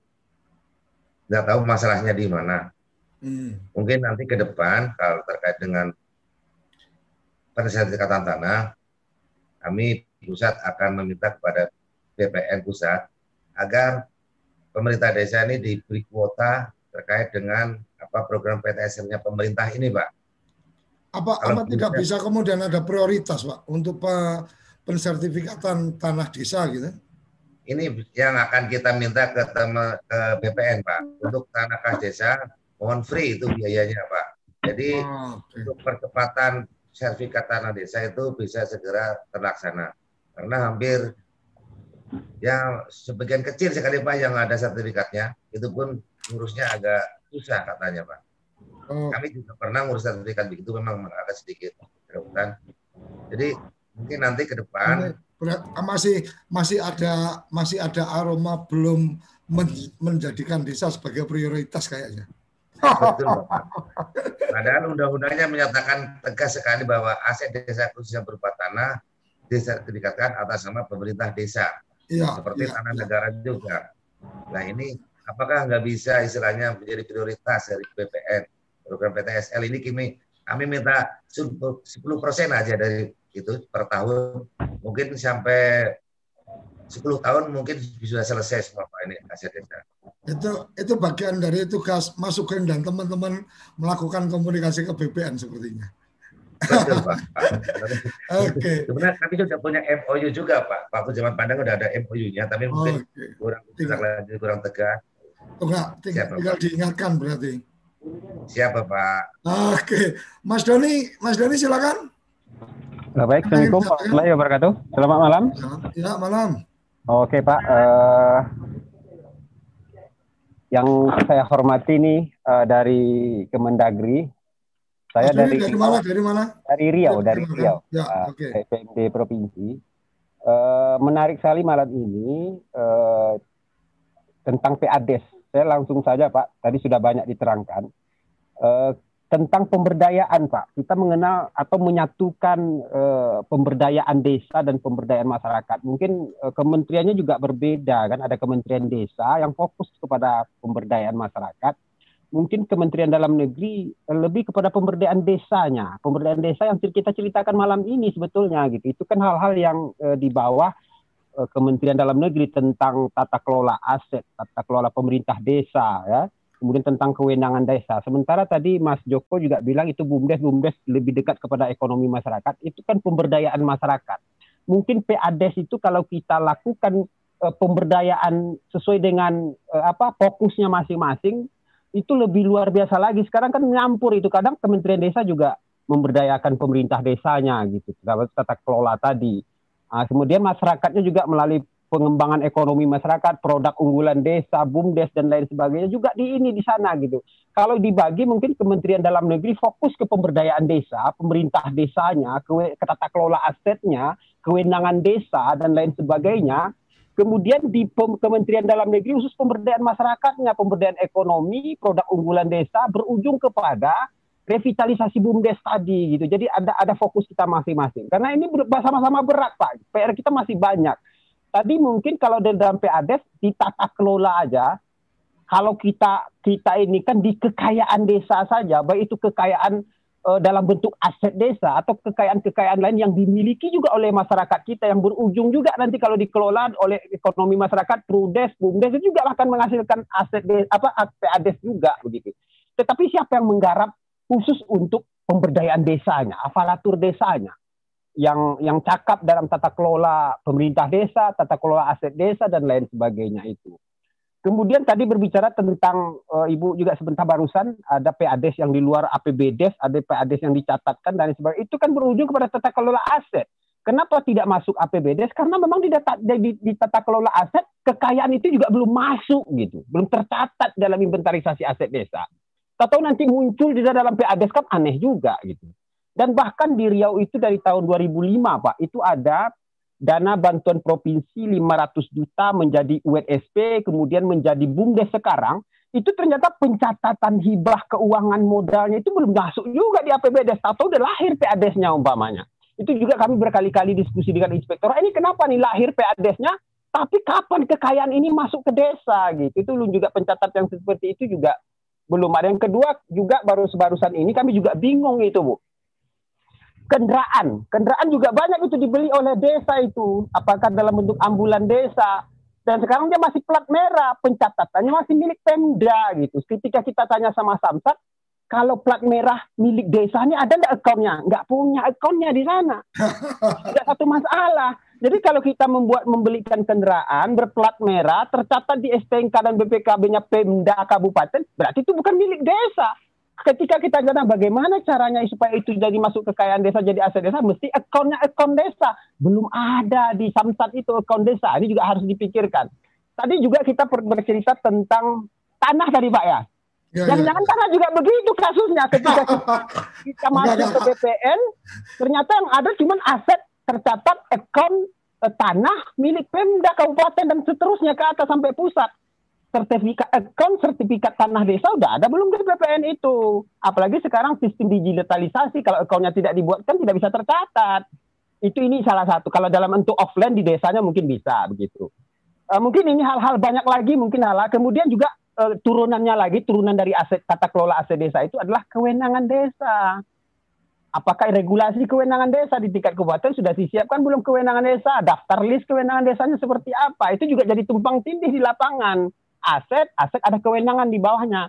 Kemudian kalaupun ada sekarang itu perda kewenangan desa itu copy paste aja kelihatannya. Dan begitu juga sampai ke desa copy paste harusnya kan ada pengkajian tentang daftar list kewenangan desa itu sendiri. Barulah kita eh, kalau ini selesai baru saya bilang kelanjutannya itu ada pihak ketiga tadi juga diceritakan. Pihak ketiga belum boleh ngapa-ngapain kalau tata kelolanya belum jelas, kewenangan belum jelas, terus di di pihak ketiga kan bagaimana itu itu nanti juga uh, terjadi permasalahan. Jadi dari rentetan-rentetan tadi Pak uh, Pak Pak Suruh itu masih banyak PR kita. PR itu bisa kita kerjakan sama-sama kalau tidak kalau ada kejelasan foksi masing-masing. Makanya saya sarankan di sini strategisnya Kementerian Dalam Negeri fokus ke pemberdayaan desanya, pemerintah desanya, aparatur desa termasuk aset-aset yang uh, yang sifatnya apa aset apa tuh aset yang yang milik desa lah. Kemudian uh, atau adanya kalau Kementerian Desa ya kekayaan desa yang dalam bentuk juga ada ekonomi desa, ada produk unggulan yang dikembangkan oleh masyarakat juga nanti akan ber, memiliki sumbangsi terhadap uh, eh, PADES-nya itu sendiri. Ini ini jadi jadi berbeda berbeda fokus tapi tujuannya tetap satu uh, pendapatan asli desa. Mungkin itu yang bisa saya berikan malam ini Pak. Terima kasih. Assalamualaikum warahmatullahi wabarakatuh.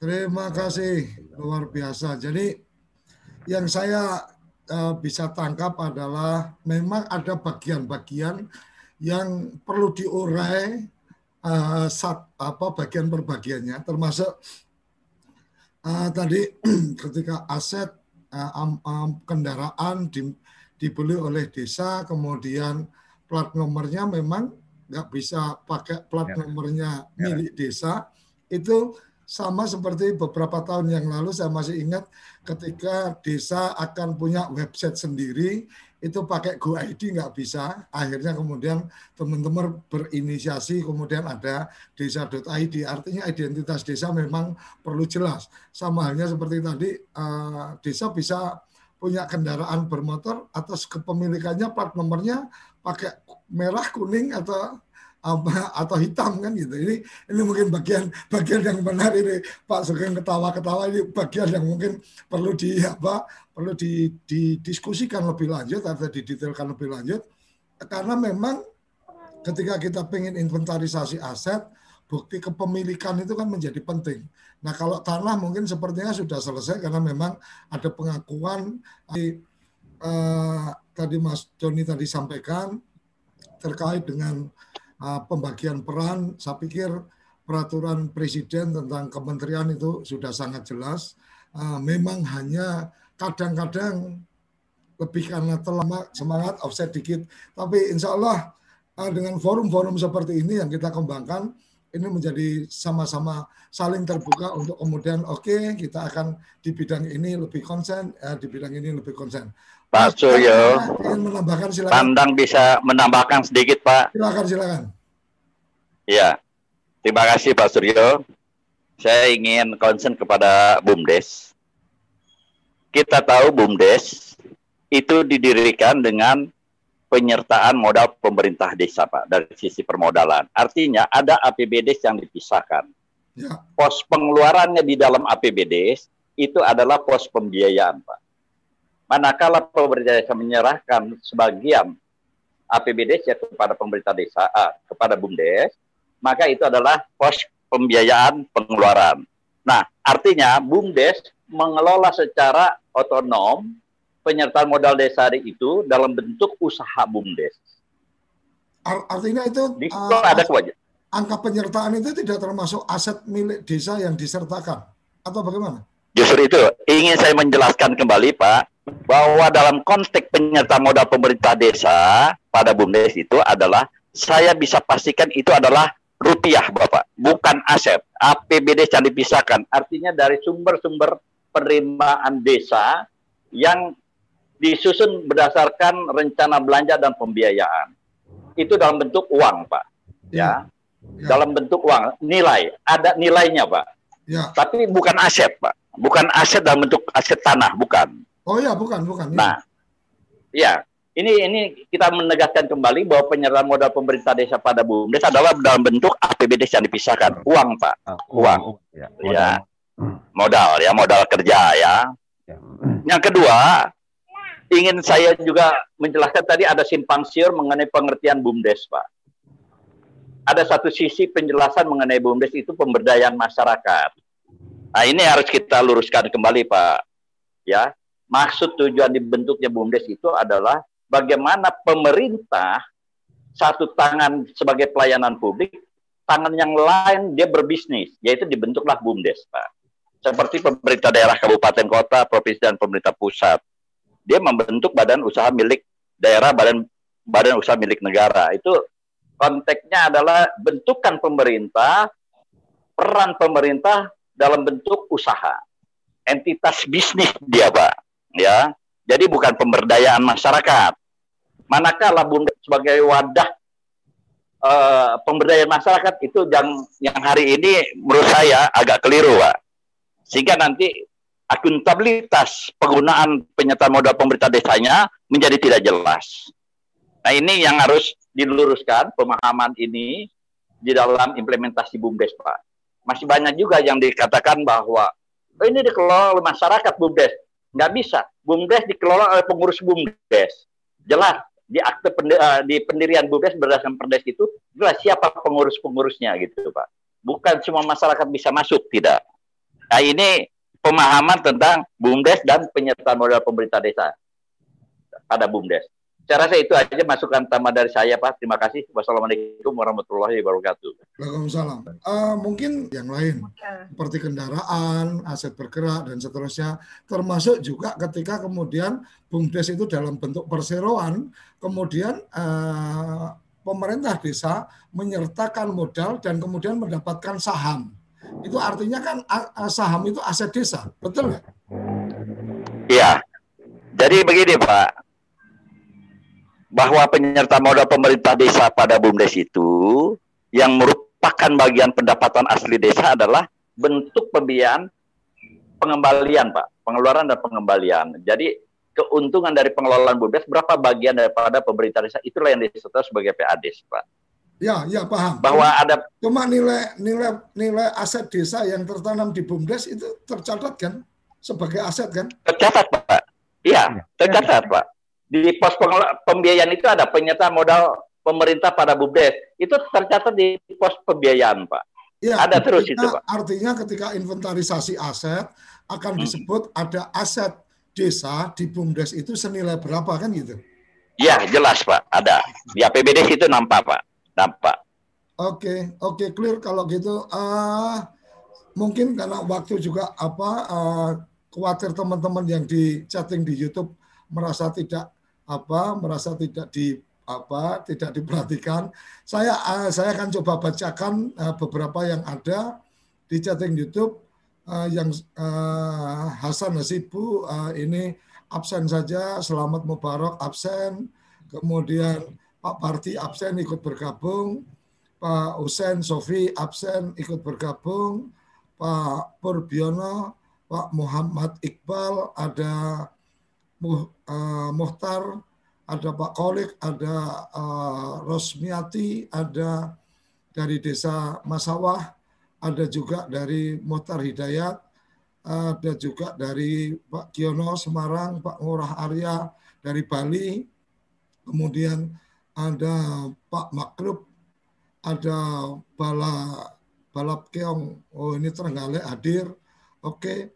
Ada Pak Suyanto Suradi, 2012 ada BUMDes di Kepulauan uh, Pisau mendapatkan bantuan dari PMD 2018 diketahui desa yang dapat bantuan tersebut membentuk BUMDes baru.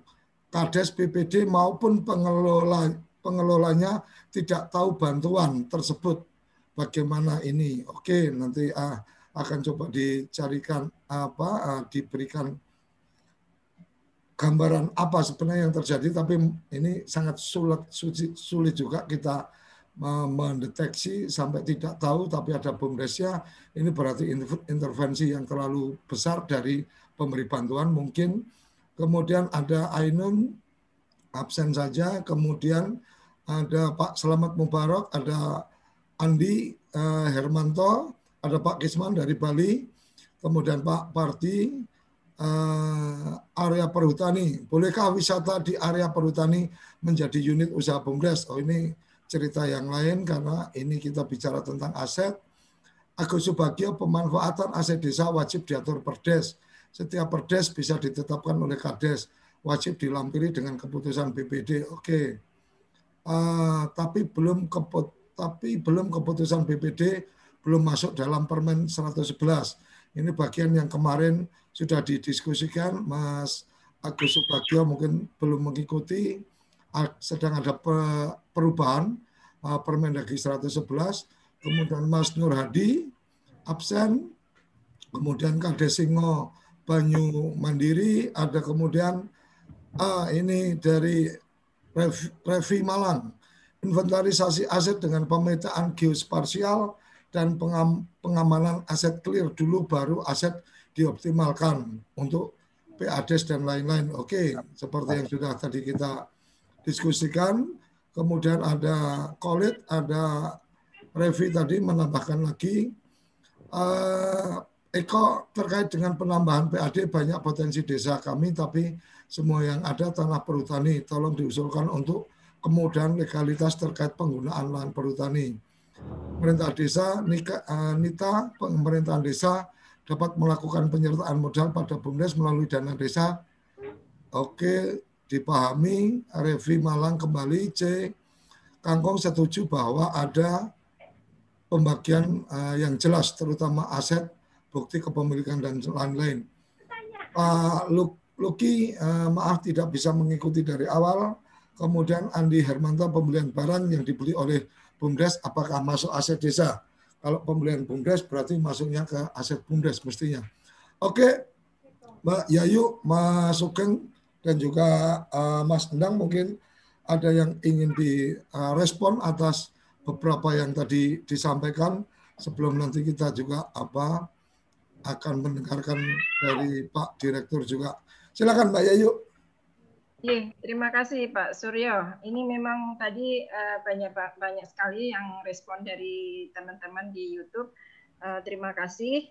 Uh, mungkin yang perlu ditanggapi tadi hanya uh, beberapa ya Pak Surya ya. Uh, ya. Yang mungkin yang tadi sudah uh, kita tegaskan dari awal bahwa untuk untuk uh, peningkatan pendapatan asli desa ini kita memang pertama kali harus harus memang kita uh, mapping tadi ya untuk untuk bagaimana kita mendata potensi uh, sumber daya alamnya, kemudian potensi-potensi yang ada di desa. Ini sangat berkaitan kemudian sebenarnya Pak Suryo kalau kita mengisi itu di ada data profil desa, sebenarnya kita bisa melihat prodeskel, prodeskel. Uh, prodeskel itu kita hmm. bisa memanfaatkan data-data yang ada diisi di desa itu, kita bisa memanfaatkan bagaimana kita uh, apa untuk meningkatkan apa namanya usaha ataupun uh, berimprovisasi, berinovasi terkait dengan uh, peningkatan PADES, membentuk usaha dan lain sebagainya. Nah ini ini yang yang nanti teman-teman uh, apa uh, ini saling bersinergi. Jadi kalau data itu terpenuhi dengan baik, maka untuk perencanaannya di desa mulai dari penyusunan RKP desanya, kemudian penyusunan APBDes dan lain-lain itu itu bisa bisa uh, nyambung gitu. Nah, kemudian yang kedua tadi terkait dengan uh, kewenangan yang di perhutani ya Pak eh, Pak Surya mungkin nanti bisa ditambahkan dari kalau ada eh, apa kurang benar tolong diluruskan Pak Dir Eko. Eh, terkait dengan kewenangan yang di perhutani memang ini menjadi apa PR kita. Memang sudah lama sebenarnya kita kalau eh, ini ada bukan hanya perhutani sebenarnya terkait dengan wilayah-wilayah yang uh, mempunyai uh, apa punyanya uh, apa namanya bukan bukan misalnya uh, perkebunan karet dan lain sebagainya. Ini ini juga itu itu yang menjadi teman-teman di desa mungkin agak agak apa ya agak miris. Karena di depan mata ada tetapi kita tidak bisa memanfaatkan itu secara secara apa namanya maksimal. Karena memang itu bukan menjadi kewenangannya. Karena memang itu wilayahnya wilayah perhutani. Mungkin itu Pak Pak Surya yang bisa saya tambahkan. Terima kasih. Mungkin kita ada Pak Dir Eko. Mas Sugeng mungkin sebelum nanti Pak Dir ada yang ingin ditambahkan? Baik, terima kasih Pak Suryo. Selamat Pak Doni, saran dari Pak Doni tadi terkait dengan plat nomor kendaraan desa. Kami juga baru ingat Pak, sekarang desa sudah kaya Pak. Sudah beli mobil. Iya. Mungkin nanti kendaraannya satu-satu perangkat desanya itu ini platnya bagaimana ini tidak sedang kami diskusikan Pak. Terkait dengan sertifikasi tanah tadi nanti kami ke depan akan eh, minta kepada BPN mudah-mudahan nanti untuk sertifikasi tanah desa ini bisa menjadi prioritas Pak. Karena ada beberapa daerah, BPN di daerah yang menyatakan bahwa kami tidak bisa mensertifikasikan tanah desa tapi kami hanya bisa mensertifikasikan atas nama pemerintah daerah. Padahal kami punya undang-undang 6 loh Pak. Hmm. Tapi ada juga daerah yang bisa Pak untuk sekretariat desa ini bisa. Hmm. Jadi kenapa nggak seragam ini loh teman-teman di daerah ini khususnya BPN ini. Padahal ini sangat penting sekali sebagai alas hak bagi pemerintah desa dengan aset tanahnya. Juga tadi Pak Doni ya dari Rio, terima kasih Pak. Nanti kita bicarakan apa plat jambu biru atau merah nanti. Yang penting ini terdaftar dulu di samsatnya Pak. Karena kalau desa beli kendaraan mungkin jangan sampai di atas namakan nama perangkat Pak. Ini harus atas nama pemerintah desa. Itu kan Pak maksudnya Pak Doni ya. ya betul. Terima kasih Pak Doni masukannya. Mungkin itu aja Pak Suryo. Oke. Pandang ada yang ingin ditambahkan? Oke, Pak Dir. Moga Pak Dir. Ini kayaknya seru ini diskusi hari ini luar biasa Pak Surya ini pemahaman yang cukup tinggi yang perlu kita lakukan dalam rangka meningkatkan pendapatan asli desa. Walaupun tadi dikatakan Bu Yayu, ya itu ada tujuh sumber pendapatan. Kita baru membahas satu ini pendapatan asli desa. Dan itu pun kita baru membahas tadi di pendapatan asli desa fokusnya di aset dan bumdes. Belum yang lain, masih swadaya, gotong royong, belum kita bahas itu. Itu baru dua hal itu tadi. Artinya ini pembelajaran kita semua untuk meningkatkan pemahaman pengetahuan kita. Contoh, tadi kita memahami mengenai masalah pendapatan asli dari aset. Begitu ya, dari aset. Undang-Undang 6, pasal 116, ayatnya yang keempat, itu sudah memerintahkan sebenarnya. Paling lambat itu dua tahun harus sudah inventarisasi, harus tertata. Artinya ini mari dari pemerintah pusat, dari Pemda, dari desa bersama-sama menaati regulasi ini. Mari ini menjadikan skala prioritas. Kalau itu dijadikan skala prioritas, pasti semua tertata dengan baik. Ya. Demikian juga Pak jabarannya di PP 43 pasal 107. Sudah jelas itu Pak. Nah, siapa berbuat apa sudah jelas di PP 47 2015, Pak. Ya. Jadi mengenai hukum positif yang ada sekarang ini, ya, pasal kalau kita membaca pasal 112 ayat 3 di situ jelas yang disebut pemerintah itu Kementerian Dalam Negeri di sini untuk melakukan pembinaan dan pengawasan mengenai penyelenggaraan pemerintahan desa dan pemberdayaan masyarakat. Itu jelas, Pak di situ. Nah, yang disebut dengan pemerintahan desa itu apa? Di ketentuan umum jelas itu urusan pemerintahan dan kepentingan masyarakat. Jelas itu, Pak. Tinggal mari kita membaca itu sebenarnya. Nah, begitu kita membaca aset tadi, sebenarnya kita sudah membaca ada Permendagri 1 2016. Ya. Tanah tadi misalkan saja mengenai aset tanah yang uh, disertifikatkan. Di Permendagri itu di pasal 6 sudah disebutkan, Pak. Ya, disertifikatkan. Artinya ini harus menjadi ketaatan bersama. Nah, ini sebenarnya menyetir. Menyetir pasal 76 Undang-Undang ayat 4, Pak. Ini bukan undang-undangnya Kemendagri saja, bukan. Dan kita sudah bekerja sama dengan ke BPN, Pak. Ini, Pak. Ya, tinggal sekarang mendorong saja bagaimana ini pasal 76 ini, Pak. Ayat 4 ini, undang-undang ini. Nah, kemudian kalau kita membaca aset, misalkan tadi ada uh, sewa, bagaimana sewa itu? Terus selamanya berapa? Sudah disebutkan Pak, pasal 11. Pasal 11 sampai dengan pasal 14 Permendagri 1 2016. Kalau sewa itu tiga tahun, kalau simpan pinjam tujuh hari, kalau kerjasama bisa 15 tahun sampai bisa 15 tahun. Nah, ini tinggal saja, tinggal kita baca saja, kita pahami. Mari kita implementasikan, Pak. Ya, ini saya kira Pak Surya Koco, ini luar biasa. Kita harus punya semangat yang sama. Bagaimana meningkatkan PADES kita, sehingga desa kita itu maju mandiri sejahtera. Benar apa yang dikatakan Bu Yayu tadi, desa-desa yang swasembada itu masih 5%, Pak. Ya, 5% masih. Ya. Mari kita dorong bersama menjadi swasembada. Ya, Memang benar apa yang dikatakan Pak Suryo Koco tadi, ada kaitan ini dengan Pemda juga, ada kaitan Pak. Ya. Jadi Pemda saja yang memiliki PAD di atas DAU itu bisa dihitung. Cari Pak. Ya. Demikian juga desa. Desa ini yang memiliki PADES di atas DD itu bisa dihitung jari, Pak. Itu, Pak. Nah, ini mari kita semangat bersama untuk mendorong ini. Artinya kita meningkatkan PADES kita supaya bisa mandiri. Nah, cara mengukurnya bagaimana? Yang paling gampang adalah kalau PADES itu dirasiokan dengan DD-nya, mendekati setengah sudah bagus tuh Pak. Mendekati setengah saja Pak. Itu menurut derajat kemandirian. Ya. Artinya kalau ini rata-rata masih 0,00 sekian Pak sekarang ini Pak. Ya. Ya ini yang perlu kita dorong Pak Surya Kaca. Saya kira terima kasih ini luar biasa dari teman-teman uh, dari keuangan. Terima kasih ini Pak Dir Lutfi, Pak Ferry yang selalu mendorong kita, Pak Dirjen ya luar biasa selalu mendorong kita. Di sini ada Bu Yayu, ada Pak Sugeng, ada Pak Endang, luar biasa nih Pak Endang mendorong juga ini luar biasa.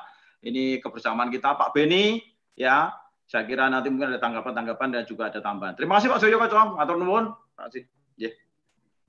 Terima kasih Pak Dir. Luar biasa ada peraturan Menteri Dalam Negeri nomor 1 2016 sepertinya perlu satu forum tersendiri membedah tentang peraturan Menteri Dalam Negeri nomor 1 2016 ini karena uh, setelah saya lihat di sana juga ada kepala urusan pengelolaan aset. Artinya, ya. apakah kemudian hari ini teman-teman di desa juga sudah mempersiapkan kepala urusan pengelolaan aset, sementara amanat undang-undang desa yang tadi disampaikan uh, Pak uh, Pak Eko ya. tadi, Pak Dir, peraturan Menteri Dalam Negeri itu terbit.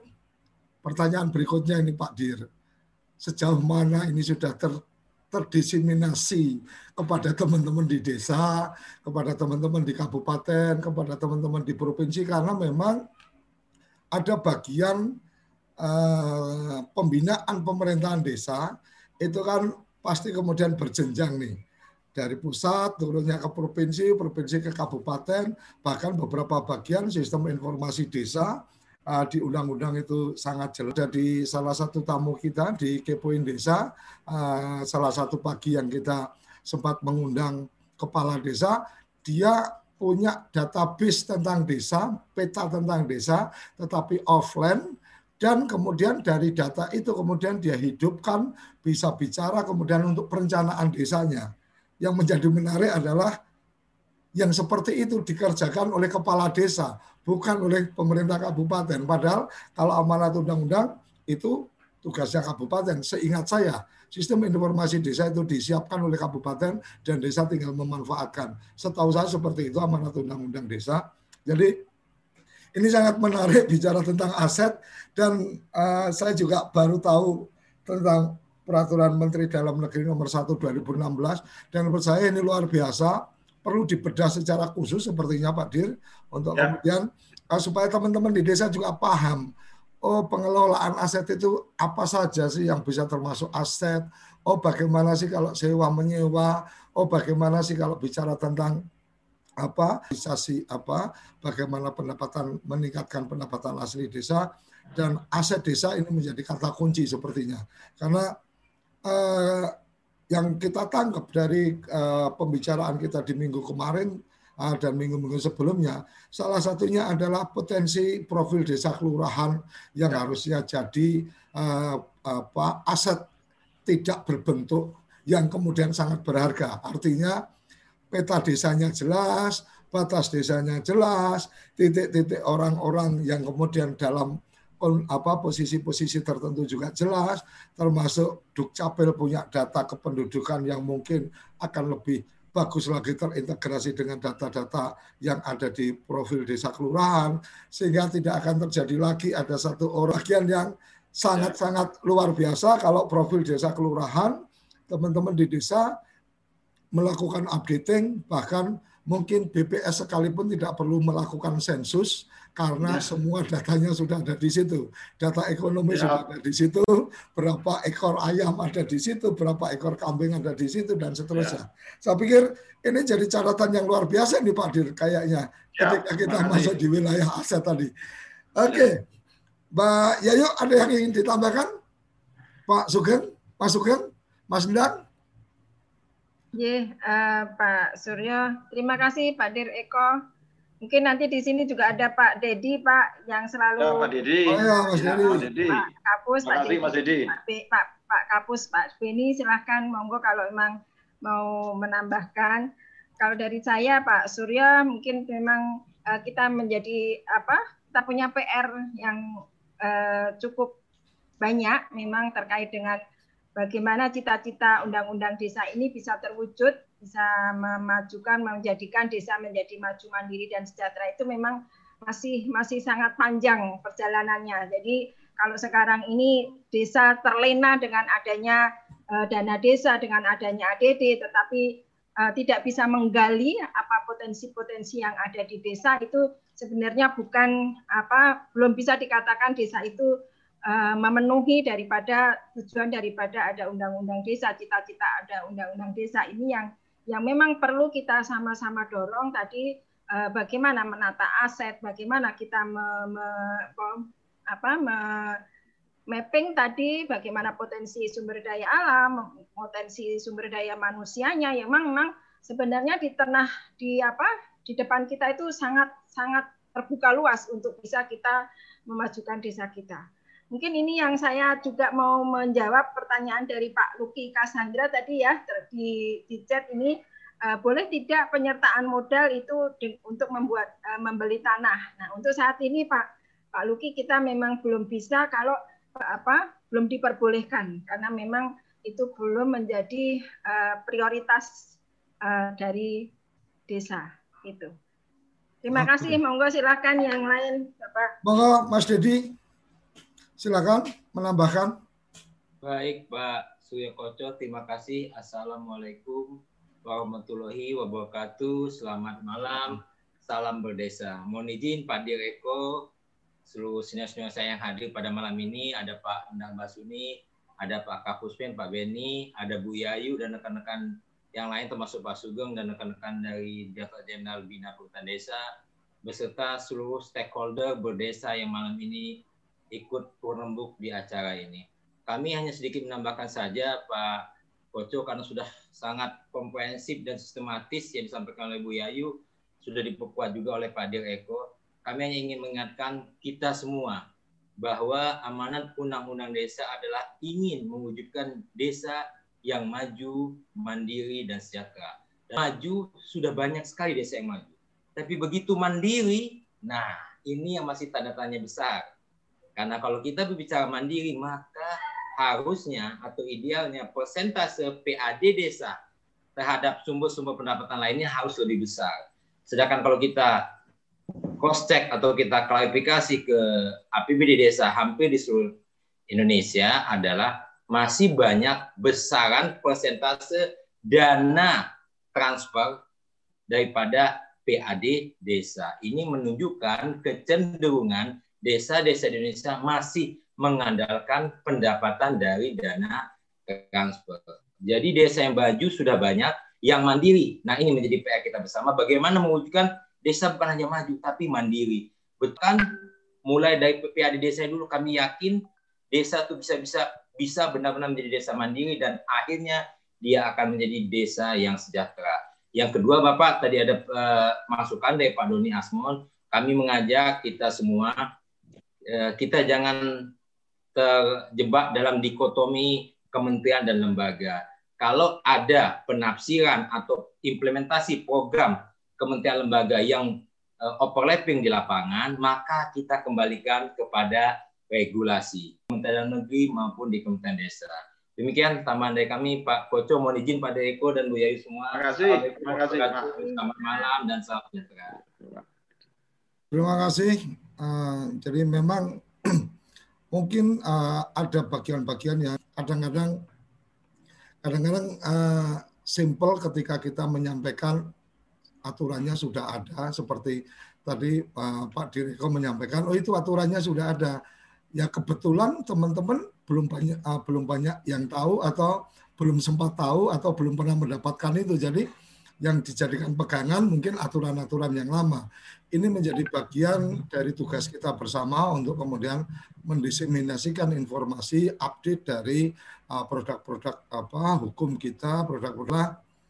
Mereka merasa bahwa ada bagian yang kemudian kok jadi semuanya numpuk ketika oh di sini uh, ada di catatan kita bersama untuk kemudian ke depan bagaimana bicara koordinasi tidak sekedar bahwa kita berharap koordinasi atau teman-teman di bawah itu langsung paham tetapi juga koordinasi dan apa uh, komunikasi uh, antar level di atas mungkin antar apa uh, kementerian dengan provinsi sehingga pemahamannya bisa sama dan seterusnya seperti yang Mas Sugeng tadi sempat ceritakan bagaimana kalau di kabupaten ini bisa nih.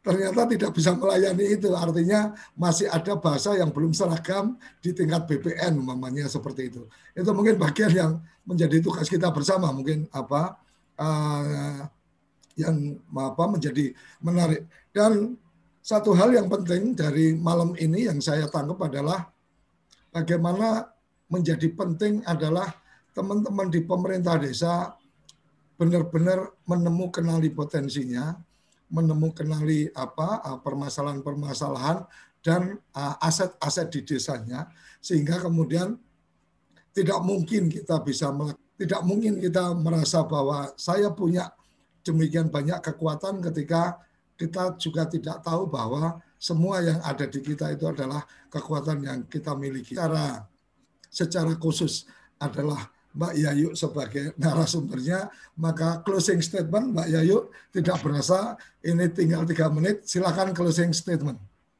Ya, yeah, uh, hanya dua kata mungkin Pak Suryo sebagai closing statement saya, mungkin dengan semangat bersama kita bisa. Ya. Oke, dengan baik di eh, teman-teman uh, kepala desa perangkat desa maupun teman-teman dari Eh, berbagai kementerian, tidak hanya Kementerian Dalam Negeri, walaupun ini malam mingguannya uh, malam mingguan Kementerian Dalam Negeri, tapi saya berharap teman-teman dari kementerian lain juga bisa uh, ikut mengikuti acara ini sehingga tahu ada hal-hal yang mungkin mana kita mengamankan, menjalankan amanat undang-undang desa. Dan satu lagi tadi ada pertanyaan tentang apa RUU BUMDes Eh, saya mungkin bisa sampaikan bahwa berdasarkan undang-undang Omnibus Law maka uh, sepertinya urusan BUMDes ini tidak dalam bentuk undang-undang desa apa undang-undang BUMDes tetapi dalam bentuk peraturan pemerintah. Pemahaman saya seperti itu dan semoga dalam tiga bulan ke depan, tiga bulan setelah ditetapkan uh, undang-undang Omnibus Law, teman-teman dari Kementerian Dalam Negeri dan Kementerian Desa juga kementerian lain bisa. Saya pikir itu yang saya bisa uh, sampaikan hari ini. Terima kasih teman-teman setia. Mas Madong, mohon maaf waktunya sudah sangat mepet. Nongolnya baru belakangan. Uh, salah satu apa teman setia kita, Mas Madong yang selalu memberikan inspirasi-inspirasi. Kita akan kembali bertemu lagi di minggu depan dalam malam mingguan desa bersama Kementerian Dalam Negeri dengan topik-topik lain yang pasti menarik dan pasti bermanfaat. Terima kasih teman-teman dari Kemendagri, terima kasih kerabat desa yang menyaksikan acara ini. Salam bahagia kerabat desa.